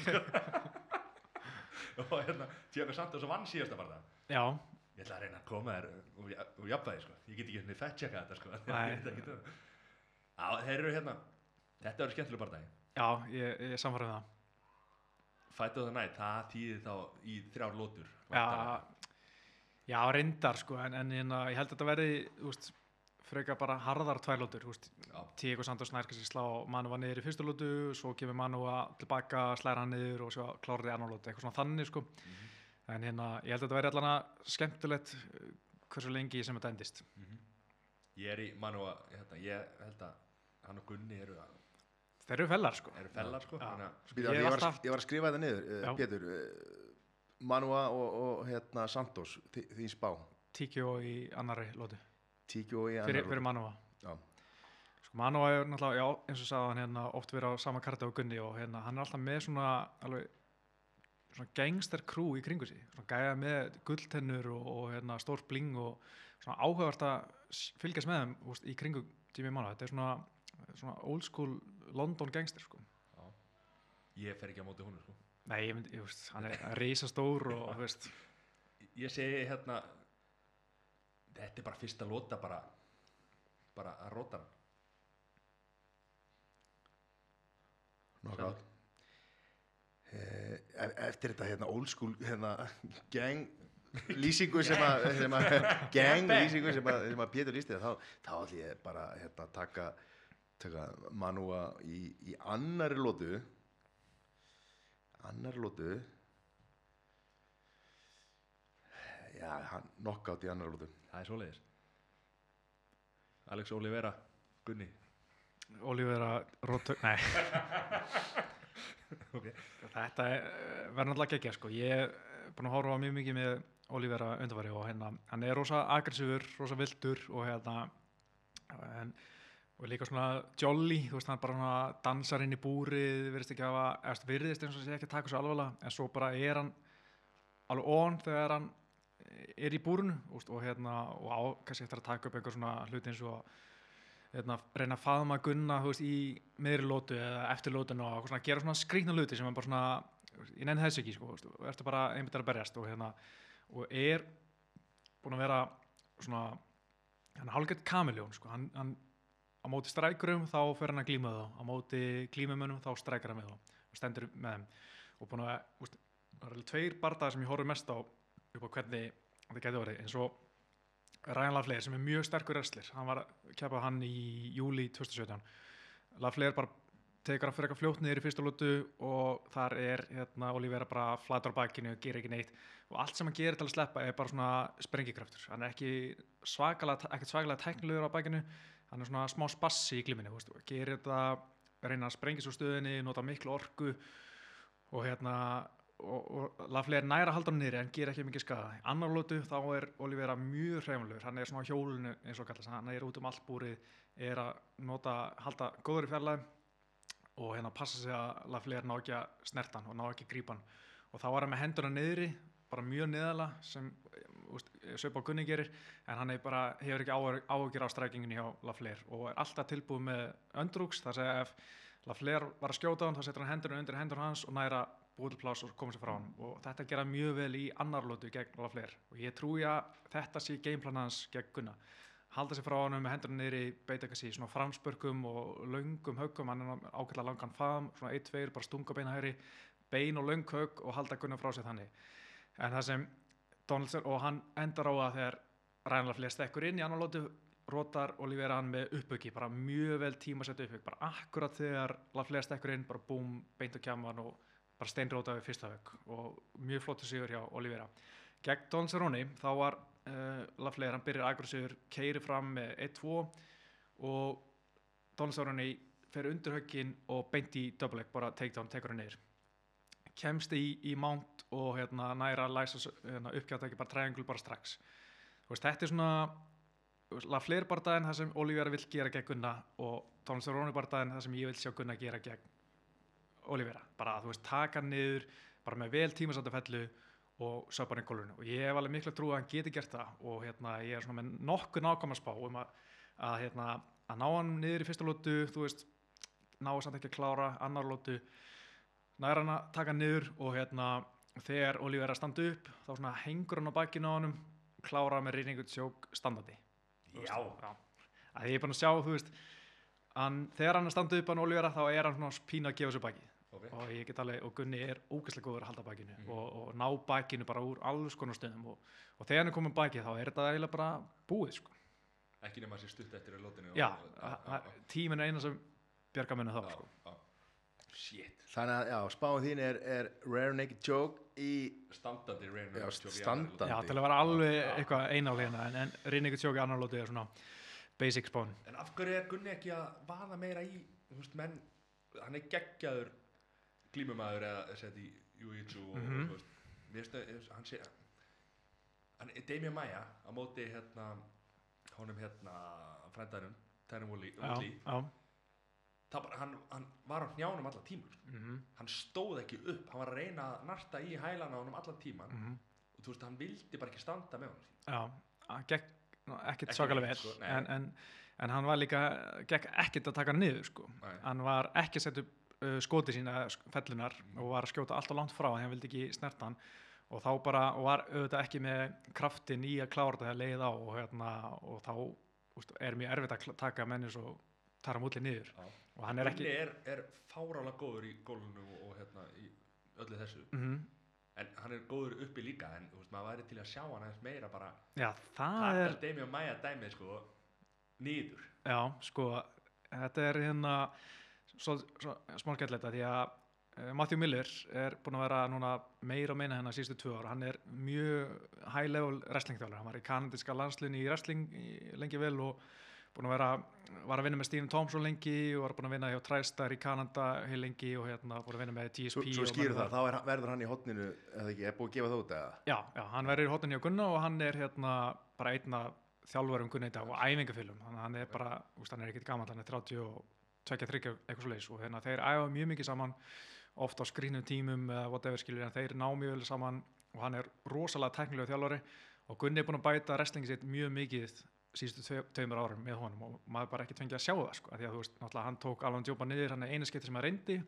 Svo náttúrulega bara sem ég rótaði hann en í an- annar lót og kláraði hann gegn Ponsonibí bara 82 sekundur fengum ekki að sjá wrestlingi. En núna held ég að við fáum að loksins að sjá, að sjá þetta wrestling því að þetta er uh, geggja og vera bara mjög gaman að sjá hann vera wrestlaði gæi og, og með alls konar fellur og hérna ég held að við séum að fara, fara að sjá svona nýja útgáfu af Gunna sem er með, veist, ég er ekki að segja að fara endalist að fara í takedowns en hann sé svona betri að klára fellunar sko. og hérna en ég held að hann sé ekki fara að vera eins og Demi Maia að spamma fellunar bara fara aftur og aftur og aftur, ég held að hann bara fara í þetta þegar hann finnur hann getur náðu þessu finnur tímasættina, finnur fjallaðina og, og geti þannig bara klára þetta. En er ekki miklu hættulega fyrir Gunna að vera standandi mm móti Olivera sem er mjög viltur og hann er að taka spinning back fyrst og, E, og þú veist, eitthvað svona bullskilur sem að er, Já.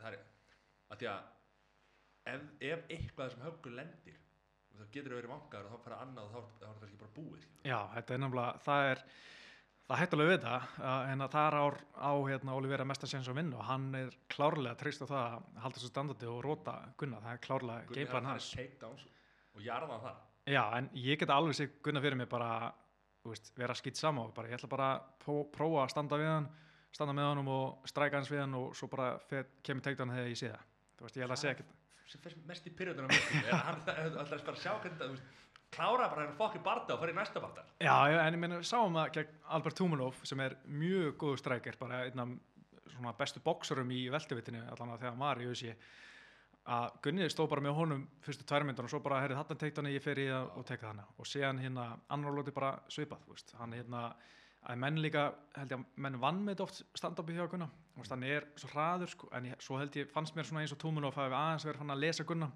lesa, lesa í stand-upi hans en, en, en þá fór bara Gunni í fellina, sko. En eins og með Alan Djúban hann sko, þá Mhm. var hann búinn að vanga hann og hann sparkaði í hann svo sparkaði hann í hann. Og margir hefðu þá farið í eitthvað pound eða farið á hann og, og lagði með hann þannig niður. Gunni, það var það sem ég elska við þann sigur. Já, þegar bara reyfa niður mhm. og bara kyrta hann skilur og veist, hann, hann var heldur ekki hann, hann er svona að borið virðingu líka fyrir Alan sko, að vera ekki að meiða hann skilur. hann er náttúrulega módel skilur hann er Já. strákur þannig að hann, hann lita bara tappa sig út skilur Já, það er svona eitt af því held ég sem að gerir Gunnar svona vinsalan, hann er bara svona, þú veist, hann talaði um að hann vildi gera þetta clean og veist, það er óþara að gera eitthvað skada þegar þú getur gert þetta clean og hérna, það er margir sem þau tekið bara einhver lamið hann hausin bara eða sparka hausin á hann og allt já, þetta skilur bara eins og einhver græður hundur að bara kíló, kíló, kíló og vonast að að stoppa en, en þarna bara sá hann bara clean endi og, og fór í það og hérna, og það var bara úksla vel gert. Mhm. hvað segir þú, hvernig fer þessi bara dag Sæðu. Ég, hérna, ég veit það ekki, sko. Ég, hérna, á, ég, bara- ég stressaður að, sko, að spá um það, sko. Ég, Já, maður verður svona uppveðar. Já, það, þetta er ógislega erfið sko. Mér Sko- sko, langar að segja bara Gunni á 60 sekundu bara, bara ég, er búin, að leggja alla mína peninga á Olivera, sko. Ertu búin að setja báða peningana í Olivera? Nei, Gunni tekur þetta í Já, ég vil meina að hérna ég vil meina að þetta verði þetta verði jaft Mhm. Olivera er, er, er hérna heldur góð maður sko. Hann, hann Nei, nei, ég bara er að sjá hann þetta, það er svo flott flúr sko. Já. hann er vel flúraður flúra, flúraður. Fóru- nú- Nei, nei, Gunni tekur þetta í svona í þriðju lótu, svona um miðja þriðju lótu og ég ætla að segja að þeir eru aðeins búin að, að hérna, kljást í gólunu þeir eru komin upp og Gunni nokkar hann í um, miðja þriðju lótu Já, Það er nokkátt Sko fyrir svona ári síðan hefði ég alltaf haft miklar efisendur um að Gunni- myndi klára barndagi þrjulóta því að mér fannst bara svona eins og fjara svolítið út þegar líður á barndan bara þólega sig en núna er hann bara í geggjöðu formi, hann er búin að vera í fyrsta segin með styrtar og þrekþjálfara. Og það er geggjað að sjá hann sko, hann er bara orðin einhver vél núna sko. Ég heyrði þarna í, í podcastinu á þér Já, með tappvarpið þá hérna voru þeir hérna hvað heitir hann sem var með þér hérna? Bjarki Ómars. Bjarki Ómars, hann er, Mhm. þeir eru að taka virkilega á þau og maður er Já. að sjá hérna bæði bæði hann hérna crossfit hérna. Unnar? Nei, nei, hérna, Björgvin vá. Karl. Já, Já, og, já. og hérna hérna Sara Sigmunds djúvill er ekki ekki nöfnum hérna. Já, þau eru búin að vera að æfa á fullu Já, tóku svona eina æfingu hvor Já. með, með Gunna og hérna, í gegnum þeir eru búin að vera á fullu og þau komu svona Já, já. einu og einu æfingu sem var svona virkilega gaman að sjá bara alvöru það hefur verið svolítið hans arkilega hæll kannski að vera ekki með úttaldi alveg, Já, alveg sko. maður er svona að vilja sjá Gunna úst, þetta er eitt af því sem maður sér bara Gunni getur bætt sér þessu Mm. og hérna, það er hann bara búin að vera að gera og er bara með virkilega flott lungu núna og, hérna, og líka sterkari. Og þeir sem er að æfa um hann og segja hann sé bara finnum mikinn mun á að vera glíma með hann núna. Hann sé bara svona, eða, sérstaklega standandi hvað finna bara fyrir styrknum í honum sem, hérna, sem er hann að komin svolítið eftir að, eftir að Unnar Helgason kom inn og hérna og þeir að taka náttúrulega veist, mjög mikið á hjólun helviti svona assaultbæki er ógeðslegt sko og að hérna taka á fullu á því og, og hérna svo kvíla og, og gera skemmtilega hluti eins og veist, fá lungun upp á fullu með því að vera hjólun og svo í kvíldinni innan gæsalaba er það að halda einhverju bjöllum svona, sem líkir svolítið við því sem er að gerast í barda þú veist, þú ert aldrei, farið aldrei breyk bara í veist, 90 sekundur sem er ekkert að gerast. Og þetta í breykuninu, pásunni, er eitthvað að gerast kannski einhver að liggja ofan þeirra þú er að halda einhverju niðri eitthvað svoleiðis, þannig að það er unnar er með mjög skemmtilega pælingar að gera þetta svona vísendalegt, þetta er ekki bara einhver sprettir sko. Það er þegar, þegar þeir eru að þegar þeir þurfa að kvíla sig og ná upp orku Mhm. þá eru þeir samt annarkort er einhver ónaðir, mm -hmm. það er ekki þægilegt sko, Mhm. eða þú ónað einhverjum og ert, að, þú veist, ert alltaf að vinna, Já, þó að setja kvíla þig, sko. en svo náttúrulega eru stendur og ert að taka stungu stungu sparka eða eitthvað þá er það náttúrulega miklu meira kardíó sko. Já, algjörlega sko. Ég vil er ég úgeðslega flottur í þessu maður, er þetta hefur En Saga segir að þú hafi farið á þetta soltbæk einu sinni Einu sinni, ég hef gert það oftar sko. Það er að búið til einhverja sögur Já, ég, sko, þetta er ógeslegt og ég er með ógeslega liðlega kardió, sko, ég bara, svona, fyrir mótið eitthvað svona bara, "Ah, ég er að rífa upp kardióið og hérna, fyrir á eitthvað hjól og róðra velina eitthvað og gera eitthvað svona ógeslegt prógram og, og alveg sökka í því en, en, en þetta gerir helling, sko. Það er meira en ég er að gera Hérna, hvernig finnst þið með, hérna, eins og með Gunna með kampi, þetta kallast kamp þegar menn er að fara í barda og er að Mhm. taka þá hérna sem sagt, hvað er þetta íslensku? Bara, já, Æfingabúður, bara. æfingabúðir Mhm.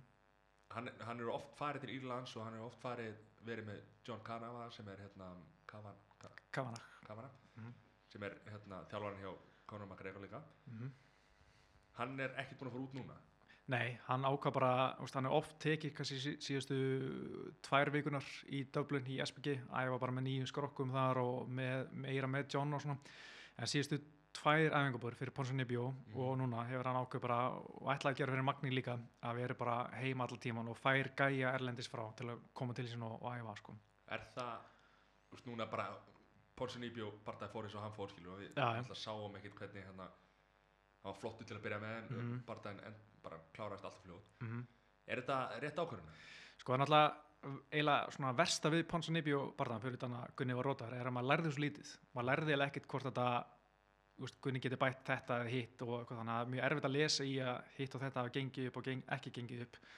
En mér veist samt uh, Gunni náttúrulega bara líta það vel út og hann er með góða æfingafélag. Mér finnst í rauninni ekkert vanta kannski væri fínt að fá 1-2 í viðbútt einhverja til þess að bara hafa þetta fjölbreytt og þannig að það sérst ekki alltaf mútið sama sömu gæðin hann er búin að vera með svona fjóra gæja sem er hann að sparra mest við veist, MMA spar, svo var hann að klíma við hinn á þessa og hérna, kannski taka bókslútur við hinn á þessa og þetta er alveg svona fleiri gæjar en þetta væri alveg gaman að vera með fleiri svona en, en ég held að það vanti ekkit mikið upp og veist, oft líka bara uh, þarf maður að hugsa til þess að að íþróttamenni líður vel og ég menna hún líður vel hérna heima og auðvitað líður hann ekkit illa í Írlandi er það líka veist, eh, ekki hjá strafnum sínum og hérna ekki heima þessir og það er svona En líður hann of vel? það er alltaf alveg góð spurning sko. Og hérna alltaf hægt að skoða það og hérna og stundum alveg er örugglega mjög gott fyrir marga frá út fyrir það endraman og láta segja mynd ekki líða vel til þess að bæta sig Það eru bara tímur að leiða ljós en Mhm. hérna hefði Gunni hjálpað Conor í Khabib bardaganum ef hann hefði verið í æfingabúðunum hans 100% Af hverju fór hann ekki? sko ég held að hann ekki farið fyrsta leið þegar hann var ekki alveg búinn að ná sér af meðslunum hann sem hann var fyrir í april hérna stóða til bóða? Veistu það? Já, ég held að John Kavanagh hefði alltaf geta komið því í kring og úst, þeir eru alltaf í einhverju sambandi og ég held að en Gunni er bara svona ekki þannig típa hann sé bara eitthvað, hei Conor, og ég ekki koma að hjálpa þér? Og ég ekki að, þú veist, gera, hann er bara svona þú veist, er ekkert kannski mikið að spá í Talaði við mig og ég segi já eða nei. Já, þú veist, hann bara svona einhvern veginn gerir bara sitt, kannski, og hérna og, og ég held að John hafa ekki ég held að Gunni hafa ekkert verið að spá í og e- ekki Hallið pappans eða, eða John að því að hann var svona frekar nýkomin úr meðislum hann og það var kannski ekki mesta sensi að fara að æfa á einhver annari daskra, þú veist, að á hérna sketsjólinn hjá einhverjum öðrum, það er kannski, þú ert kannski með eitthvað allt annað prógram í huga til að ná þér 100% í lagi. Og veist, hann hefði kannski getað kíkt í, í tvær, þrjár vikur eða eitthvað og það hefði 100% hjálpað Conor því að Gunni getur klála kabíba menn eins og kabíba er að gera, bara tekið á niður og grænda á. Og það er eitthvað sem Conor hefði klálega getað haft gott af og, og hérna, en bara held veginn þú veist, það hefði alveg verið gott fyrir Conor og ég held líka að sé gott fyrir Conor að vera ekki bestur í kampinu Mhm. að það sé alltaf gott að sé einhver sem er hamarinn þannig að þú sért stundum naglinn Gekkja svar Herru, við ætlum ekki að hafa þetta lengra Nei, en það er bara- það er Þetta bara það er ein spurning sko. Já, Hver er að fara að lýsa bardagkvöldunum ef að þú ert ekki til dags? Er, er að fara að kalla út Ómar Ragnarsson og, Bubba Mortens? eða bara stóru, stóru bob, bobundar. herru Þeir sem eru að hlusta á þetta podcast við eru gleitt fyrir Ómar Ragnarsson hér eða Bubbi sko ég, Getur þeir voru að lýsa bóksin já, ég veit það ekki alveg sjálfur. Ég veit sko, þegar ég er ekki þá var hann gutti félag minn sem var í taparpunni mitt, hann er ofta að lýsa þegar ég er ekki að lýsa og stundum þegar ég vil fá frí eða eitthvað. Og hann hefur lýst allan að tveimur gunnabardum og hérna tekið svona nokkur nokkur önnu kört hann Hann- verður örglana en svo veit ég ekki alveg hver verður með sko. Dóri G.N.A. hefur náttúrulega eitthvað verið hana og svo hérna já, hann, Henni Birgir eitthvað já, Henry verður úti líka Já, þannig að hann verður ekki en já, ég bara er ekki alveg klárað Þú ert að, bara ski, fullir ski, saman, þú ert að skila þessu í góðum höndum eða ekki? Já, örglega sko, þeir gutti er fagmaður sko, en það er bara spurning að fá okkur hressan með honum. viltu taka þetta sem þú Herðu, þú ert með Já, hvað, þá er bara, bara hljóð, eða ekki bara slökka á hljóðrásinu Hver er þetta? Herðu, Pétur Marnó, þú ert með taparpið Já. sem er hérna uh, hlaðvarp um, um, um MMA og þú ert með mmafréttir.is og gerir það góð skil á, á hérna, uh, þessum barndöfum þú ert með hérna búrið sem er, er, eru þættir í kringum þessa bardaga. Mhm. og svo ertu hérna verkefnastjóri eða ertu í verkefnum hjá Mjölni. Mhm. Er eitthvað er, hvað hva, hva er þetta að gera meira hérna? Ég er reyndar eitthvað smá í skóla, ég er að taka áfangað í viðskiptafræði eitthvað bara aðeins að bæta mig, eða svona að læra meira. Uh, Já, nóg að gera? Það er stundum nóg að gera, stundum ég hugsa bara hvað er ég að gera, hvað er ég að hlaða þessu öllu hérna? Eitthvað, en, en þetta er samt gaman sko, eins og þú veist, ég er búin að vera alla þessa viku eitthvað, vinna í mjölni bara að klippa vídeo fyrir eitthvað svona videoblokkur að gunna og stúsast og ég, þú veist, búin að vera til 11 eða eitthvað, en, en veist, vanalega væri ég bara djúðlega að leiða þetta yfir skólunum eða eitthvað, en, en mér finnst þetta gaman sko, mér finnst alltaf gaman að vera stúsast í þessu og veist, og líka að maður að klippa búrið eða preppa búrið eitthvað eða preppa einhver útsendingu á lögati klukkan þrjú um nóttina og veist, maður hugsa bara vinnin er einhver partí og væri gaman þar en þú veist mér finnst þetta alltaf gaman sko. Þetta er miklu skemmtilega sko. Já, þú veist eins og þú veist þegar ég komin í til dæmis bara í stúdíu að, að lýsa einhverju það er alveg veist, þó að segja kannski klísa ég, veist, ég myndi ekki vilja vera neðan starf veist, þetta er eina vinnan sem ég nokk tíma haft það sem ég hlaka til að mæta í vinnuna sko. það mæta í vinnuna og bara djúlega þetta gaman sko. auðvitað koma stundu kvöld það sem veist, er ekkert sérstaklega bardagar og þetta, er svona, þetta var ekkert svo spes en þú veist, þegar ég er svona velnend kvöld þá er þetta bara ógæslega gaman sko. Mhm. og hérna sama með, þú veist, búrið þetta er alltaf mjög gaman að gera þetta taparbyði mjög gaman að gera þetta mættum alveg duglega að gera þetta og hérna veist, ég var alveg til að fá stundum aðeins meira frí við að skrifa, sko, stundum er maður svona heila dögur að skrifa þegar maður kannski, þá- já, já, já, þú veist kannski fá einhvern veginn meiri aðstóð það stundum en, en að, það er hægt að gera það einhvern veginn senna en það er bara málið, þetta er allt gaman sko. Mm. og ég meina Mér finnst það frábært sko eins og hérna, maður fréttir, ég hérna, fer reglulega þar inn, skilur bara til þess að hérna, maður les eitthvað á erlendum síðum og maður eh, sér einhver vídeo og eitthvað svona dót skilur og er hlusta erlend podcast og svona en það er alltaf gott að fá þetta staðfest á íslensku bara með íslensku texta og, og, og Mhm. lesa þetta bara það skilur já, það það er, bara virkilega gott. Þa, sko, þetta er mjög sko, þetta er gott sko, af því að hann er bæði skrif og lesblutur og hann er sko samt lesan MMA fréttir bara, það er ekkert bara að lesa það sko. Það er geggja það er bara mjög gott tróð sko En það er samt eitt sem ég langar að gera viðbútt og ég veit ekki hvort ég muni ekkert komað inn eða, eða gera en það er eiginlega að vera promóter sko. já, það er að þú veist, ef MMA er löglegt í Íslandi vera með eitthvað sjó Þegar. sko. já, þegar að, hérna, held við að förum í þetta saman já, ég er sko þetta er eitt sem ég langar mjög mikið að gera vera með eitthvað alveg sjó í Íslandi að veist, gefa öllum þessu íslenskum krökku sem er að æfa æfa og er, erð með að fá barda og gefa þeim bara veist, bara hérna, svið til þess að sína hvað er góð og hérna, berjast og gera svona miklu meira úr þessu. Ég held að það væri geggjað sko. ef við förum örlit inn í þetta eh, þó að við segja að þetta er búið hérna fyrir okay. ungt fólk í MMA í dag. Já, framtíðin? Hvað er hérna Það- hún er björt. Já, sko það er mjög mikið að krökkum á leiðinu upp og allt það sko en, en það hún er, er undrabad já, eða var undrabad A- hann er, er- er ekki ballingur nei, nei, undramaður. Undramaður.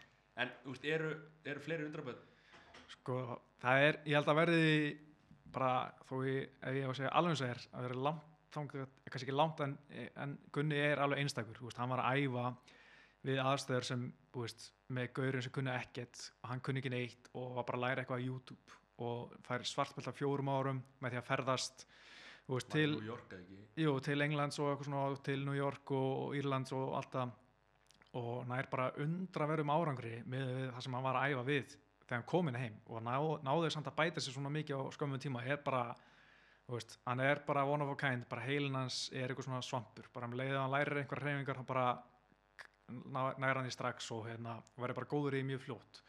Og það er hérna, held að sem mjög erfitt að finna svona einstakling og líka sem er, þú veist að þú þarf að vera með svo ógeðislega mikið til þess að vera góður, þú veist, bara að vera topp 10 fætir í þessi, þú veist, að þetta vera þú veist, eins og Gunni, hann er með svampheila, mjög fljótur að læra. Og hann er með gott veist og hérna, nokkuð góður íþróttum eða svona athlít til að geta vera snöggur að reyfa þig og hérna power og allt það. Svo þarftu líka að geta tekið við höggum veist, það eru bara geggjar íþróttumenn sem eru til sem bara um leiði að fá högg á sig þá bara, herri neittak, ég vill þetta ekki veist, og vilja bara hætta. Eða þá bara, ert ekki bara með höguna eða hausin í þetta, bara líffræðilega sé bara fær, þú veist vindgussu á þig þá bara rótastu það er alveg sumir sem eru þannig, þeir eru bara með verri högu en, en, en næsti maður sko. og það er rosa erfitt að komast að því fyrir en þú ert bara komin í barða og fær höggi. Og hérna, þess vegna er og svo erfitt að spá, þú veist, getur sagt að þessi mesti wonderkid í heimi, bara til dæmis við erum með 15 ára í mjölinu sem er bara búin að æfa eins og máðufokka sem var 8 ára og er bara lítur út fyrir að vera efnilegsti strákur í heimi, maður bara trúir bara að hann er fara alla leiðin. Pappa sér þjálfara ekki hann að Nei, hann er, ekki, hann er bara æfa sko, er bara dölur æfa. Hvað heitir þessi strákur? Mikael, Mikael? Já. já, ógeðslega efnilegur en svo kannski kemur hann í fyrsta barða, fær högg og bara, pff, þú veist er ekki með hausinn til að taka við þessu, veist, það er svo erfitt að segja það þarf svo margt að ganga upp, þú veist, til þess að geta verið, menn í að sparra skilju eins og hann hefur hann fengið högg á sig þú veist, E- já, hann er alveg að sparra, sko, þú veist, bara mjög létt, mjög tannlega, en ég held að hann aldrei fengi þunghögg í sig, sko, og ég held að það verði ekki fyrir hann að vera svona átjánar það sem að færa, þú veist, einhver þunghögg í, þú veist, bóksparrið eða kickbóksparrið eða þannig MMA. konur í alltaf djúvillir ánægð með það maður hérna, þannig við að tala um strák eins og Mikael hérna sem að ég, ég sé myndir á hann líka og, og hérna bara sturlað hvernig hann er Mhm. mjög góður Já. hérna. og hann er að æfa þá til að vera átjánar Hann er bara býð eftir að fá að berjast, sko. átta, kannski 10-12 ár Já. sem hann er að æfa og hann veit ekki hvort það verði hvort það sé fyrir hann eða ekki Nei, ég meina, þú veist að æfa fótbolta þá veistu bara nei, nei, þú, nei, það er ekki alveg rétt. Þetta er ekki alveg rétt hjá þér, Þú Matthías, veist ekki sko. alveg hvort það verði góður aðdurum eða ekki en samt sem aður þarna veistu ekki hvort það sé fyrir þig eða ekki. Já, það auðvitað, er svo erfitt. Já, þú veist, menn kannski sannfæra sig um að, þú veist, já, já, það er ekkert mál fá högg, en það, þú veist það kannski ekki fyrir að upplega og kannski líka bara, ertu til í þetta, ertu til í bara, að að fær eitt högg á huguna og bara sloknar að þér, veist, það er svona, veist, auðvitað getur þau þjálfað með því að vera ógæslega góður að verja huguna, verja hausinn og allt það, en bara stundu bara eru sumur betra að taka höggum heldur en aðrir. Og það er rosa erfitt að útskýra af hverju. Og kannski kemur hann bara inn 18 ára þú veist, og er búin að vera að berjast í tvö ár tvítur, lítið vel út svo allt inn bara eitt högg og bara sloknar á honum og hann bara, ok, hann getur ekki tekið við höggum. Veist, hann er ekki með chin eins og kallast. Þá er ferilli búinn ég er ekki að segja nei það, það er ekki að vera. Þá bara veistu að, veist, að það bara er miklu erfara að ná allavega á topin þú sér það að allir sem komast á topin eru með höggu til að taka við höggum já þú færð alltaf höggu í sko. og þú veist bara Gunni er með höggu hann hefur sínt það að bara hann getur alveg tekið höggum þó hann var rótað síðast en hann alltaf sá hann ekki höggin það er aðeins öðru auðvöldar að rótast þegar þú sér ekki höggin þá, þá rótast menn sko. En hérna en þú veist sér bara Conor hann er með höggu og þú veist Khabib með höggu Robert Whittaker veist, allir, get, allir sem menn geta tekið við höggum og þú veist og til dæmis bara næsti svona eða svo sem er kannski efnilegastur í dag og komin kannski í atvinnumennskuna, Bjarki Ómarsson Bjarki the Kid, eða Bjarki the Child eins og hann getur líka verið kallað Nei. Nei, hann er náttúrulega mjög efnilegur og maður séð hann hú veist, taka við högum, hann getur tekið við okay. og það er svona pínuð þæl 23 já, þannig að þetta er svona hú veist, maður þarf alltaf stundum að sjá bara hvort þið geti tekið högum í alvöru barða maður vil kannski eiginlega ekki sjá það á æfingu því að menn eigi ekki vera kílur svona fast á æfingu en þú veist, í barða þegar í alvörunum komið þú veist, getur þið tekið við þessu eða ekki? Svo náttúrulega búin að breyta fyrir ekki Ég ætla að segja, við getum ekki klárað á hans að tala um hérna, okkar bestu sunnurafegu sem að hefur náð góðum árið Mhm. Hvað er framöndan hjá henni? Sko hún átti eitthvað að berjast þessu ári, hún er ekkert búin að berjast sinni í júli fyrir það, eins og Gunni, hann er búin að vera svona pínu erfið hjá okkar fólki. Uh, er hún meitt eða fyrir þessi Já, hún- hún er búin að vera meitt, búin að vera meitt í höndinni mjög lengi og hún stóð til hún ætti að berjast á þessu ári en, en það, uh, hún var ekki alveg orðin heil uh, í skroknum. Þannig að það er eitthvað byggð á því en hún mun væntalega berjast held ég bara svona næsta vor, svona held ég april, mæ sem var að horfa til sko. En þetta er pínu erfitt fyrir hana því hún er líka komin á smá aldur, hún er orðin mm, 33 held ég sko, já. Það er, uh, úst, alltaf erfitt en í, sem aldurinn íþróttumæður en, en oft veldur þetta aldurinn er kannski pínu afstæður MMA því að við sáum Randy Couture vera að berjast vel þá á orðin 44 ára eitthvað. Og þú veist, Daniel Kormir færtur og ennþá í fanta formi þannig að það er rosalega einstaklingsbundið sko, og hversu mikinn skadamenn menn og konur eru búin að taka og hvernig skrokkurinn er bara almennt eftir fyrirlin en æfingarnir í dag eru náttúrulega miklu, miklu, miklu heilbyrðari heldur en voru Já. áður sko, Já, klárlega og, og ég held að það sé eina ástafinu fyrir okkur menn eins og Chuck Liddell séu ekki upp á sitt besta sko í dag að æfingarna voru kannski ekki alveg bestu hann- það var hérna menn voru að tala um að hérna, eini maður sem hafði tapað í hérna, sku, hvað, kallar þetta í Íslandi? Skuggabardagi, Skuggabox skuggaboks Já, hann tapaði fyrir sjálfum sér skuggaboksi sko. Kall greið þetta var þetta er alltaf bara sko. Já, við, því að hann er legend í sportinu og Algjörlega. hann sturlaður. Já og, en hann þarf ekki pening sko. Hann, hann á pening en hann bara, hann bara elskar að berjast. Já. þetta er bara svona þetta er eitthvað svona eina af þeim típum sem fólk sem veist er gaggrina sportið eða á banna þetta, þetta er bara rugl að þarna ertu mann sem, veist, hann hefði bara við veit ekki, verið einhver vörubilstur en í staðan fara hann fullt af miljónum fyrir að gera eitthvað sem hann elskar og þó hann eigi nógu penning er hann samt til að gera þetta og, og bara elskar þetta svo mikið að hann sér ekki hversu er í, í dag, 49 ára gamall eða 48 eða eitthvað og vil samt gera þú veist, vil samt leggja heilsuna undir til þess að fá að gera þetta einu sinni enn, veist, og reyndar oftar vildi hann skilur en, en sjáum til með það hann satt, hann getur lamið okkar allar sko. ég held ekki, ég held ekki að þetta ekki? sko. já, hann, hann var það lélegur í þessi parta ég, ég, hann getur ekki lamið okkur sundurna sko. Það alveg 100%. það var skugga Já, lélegur sko. þetta var hrikalegt að sjá hann greið í kallinu sko. þetta var ekki þetta er frábær lúka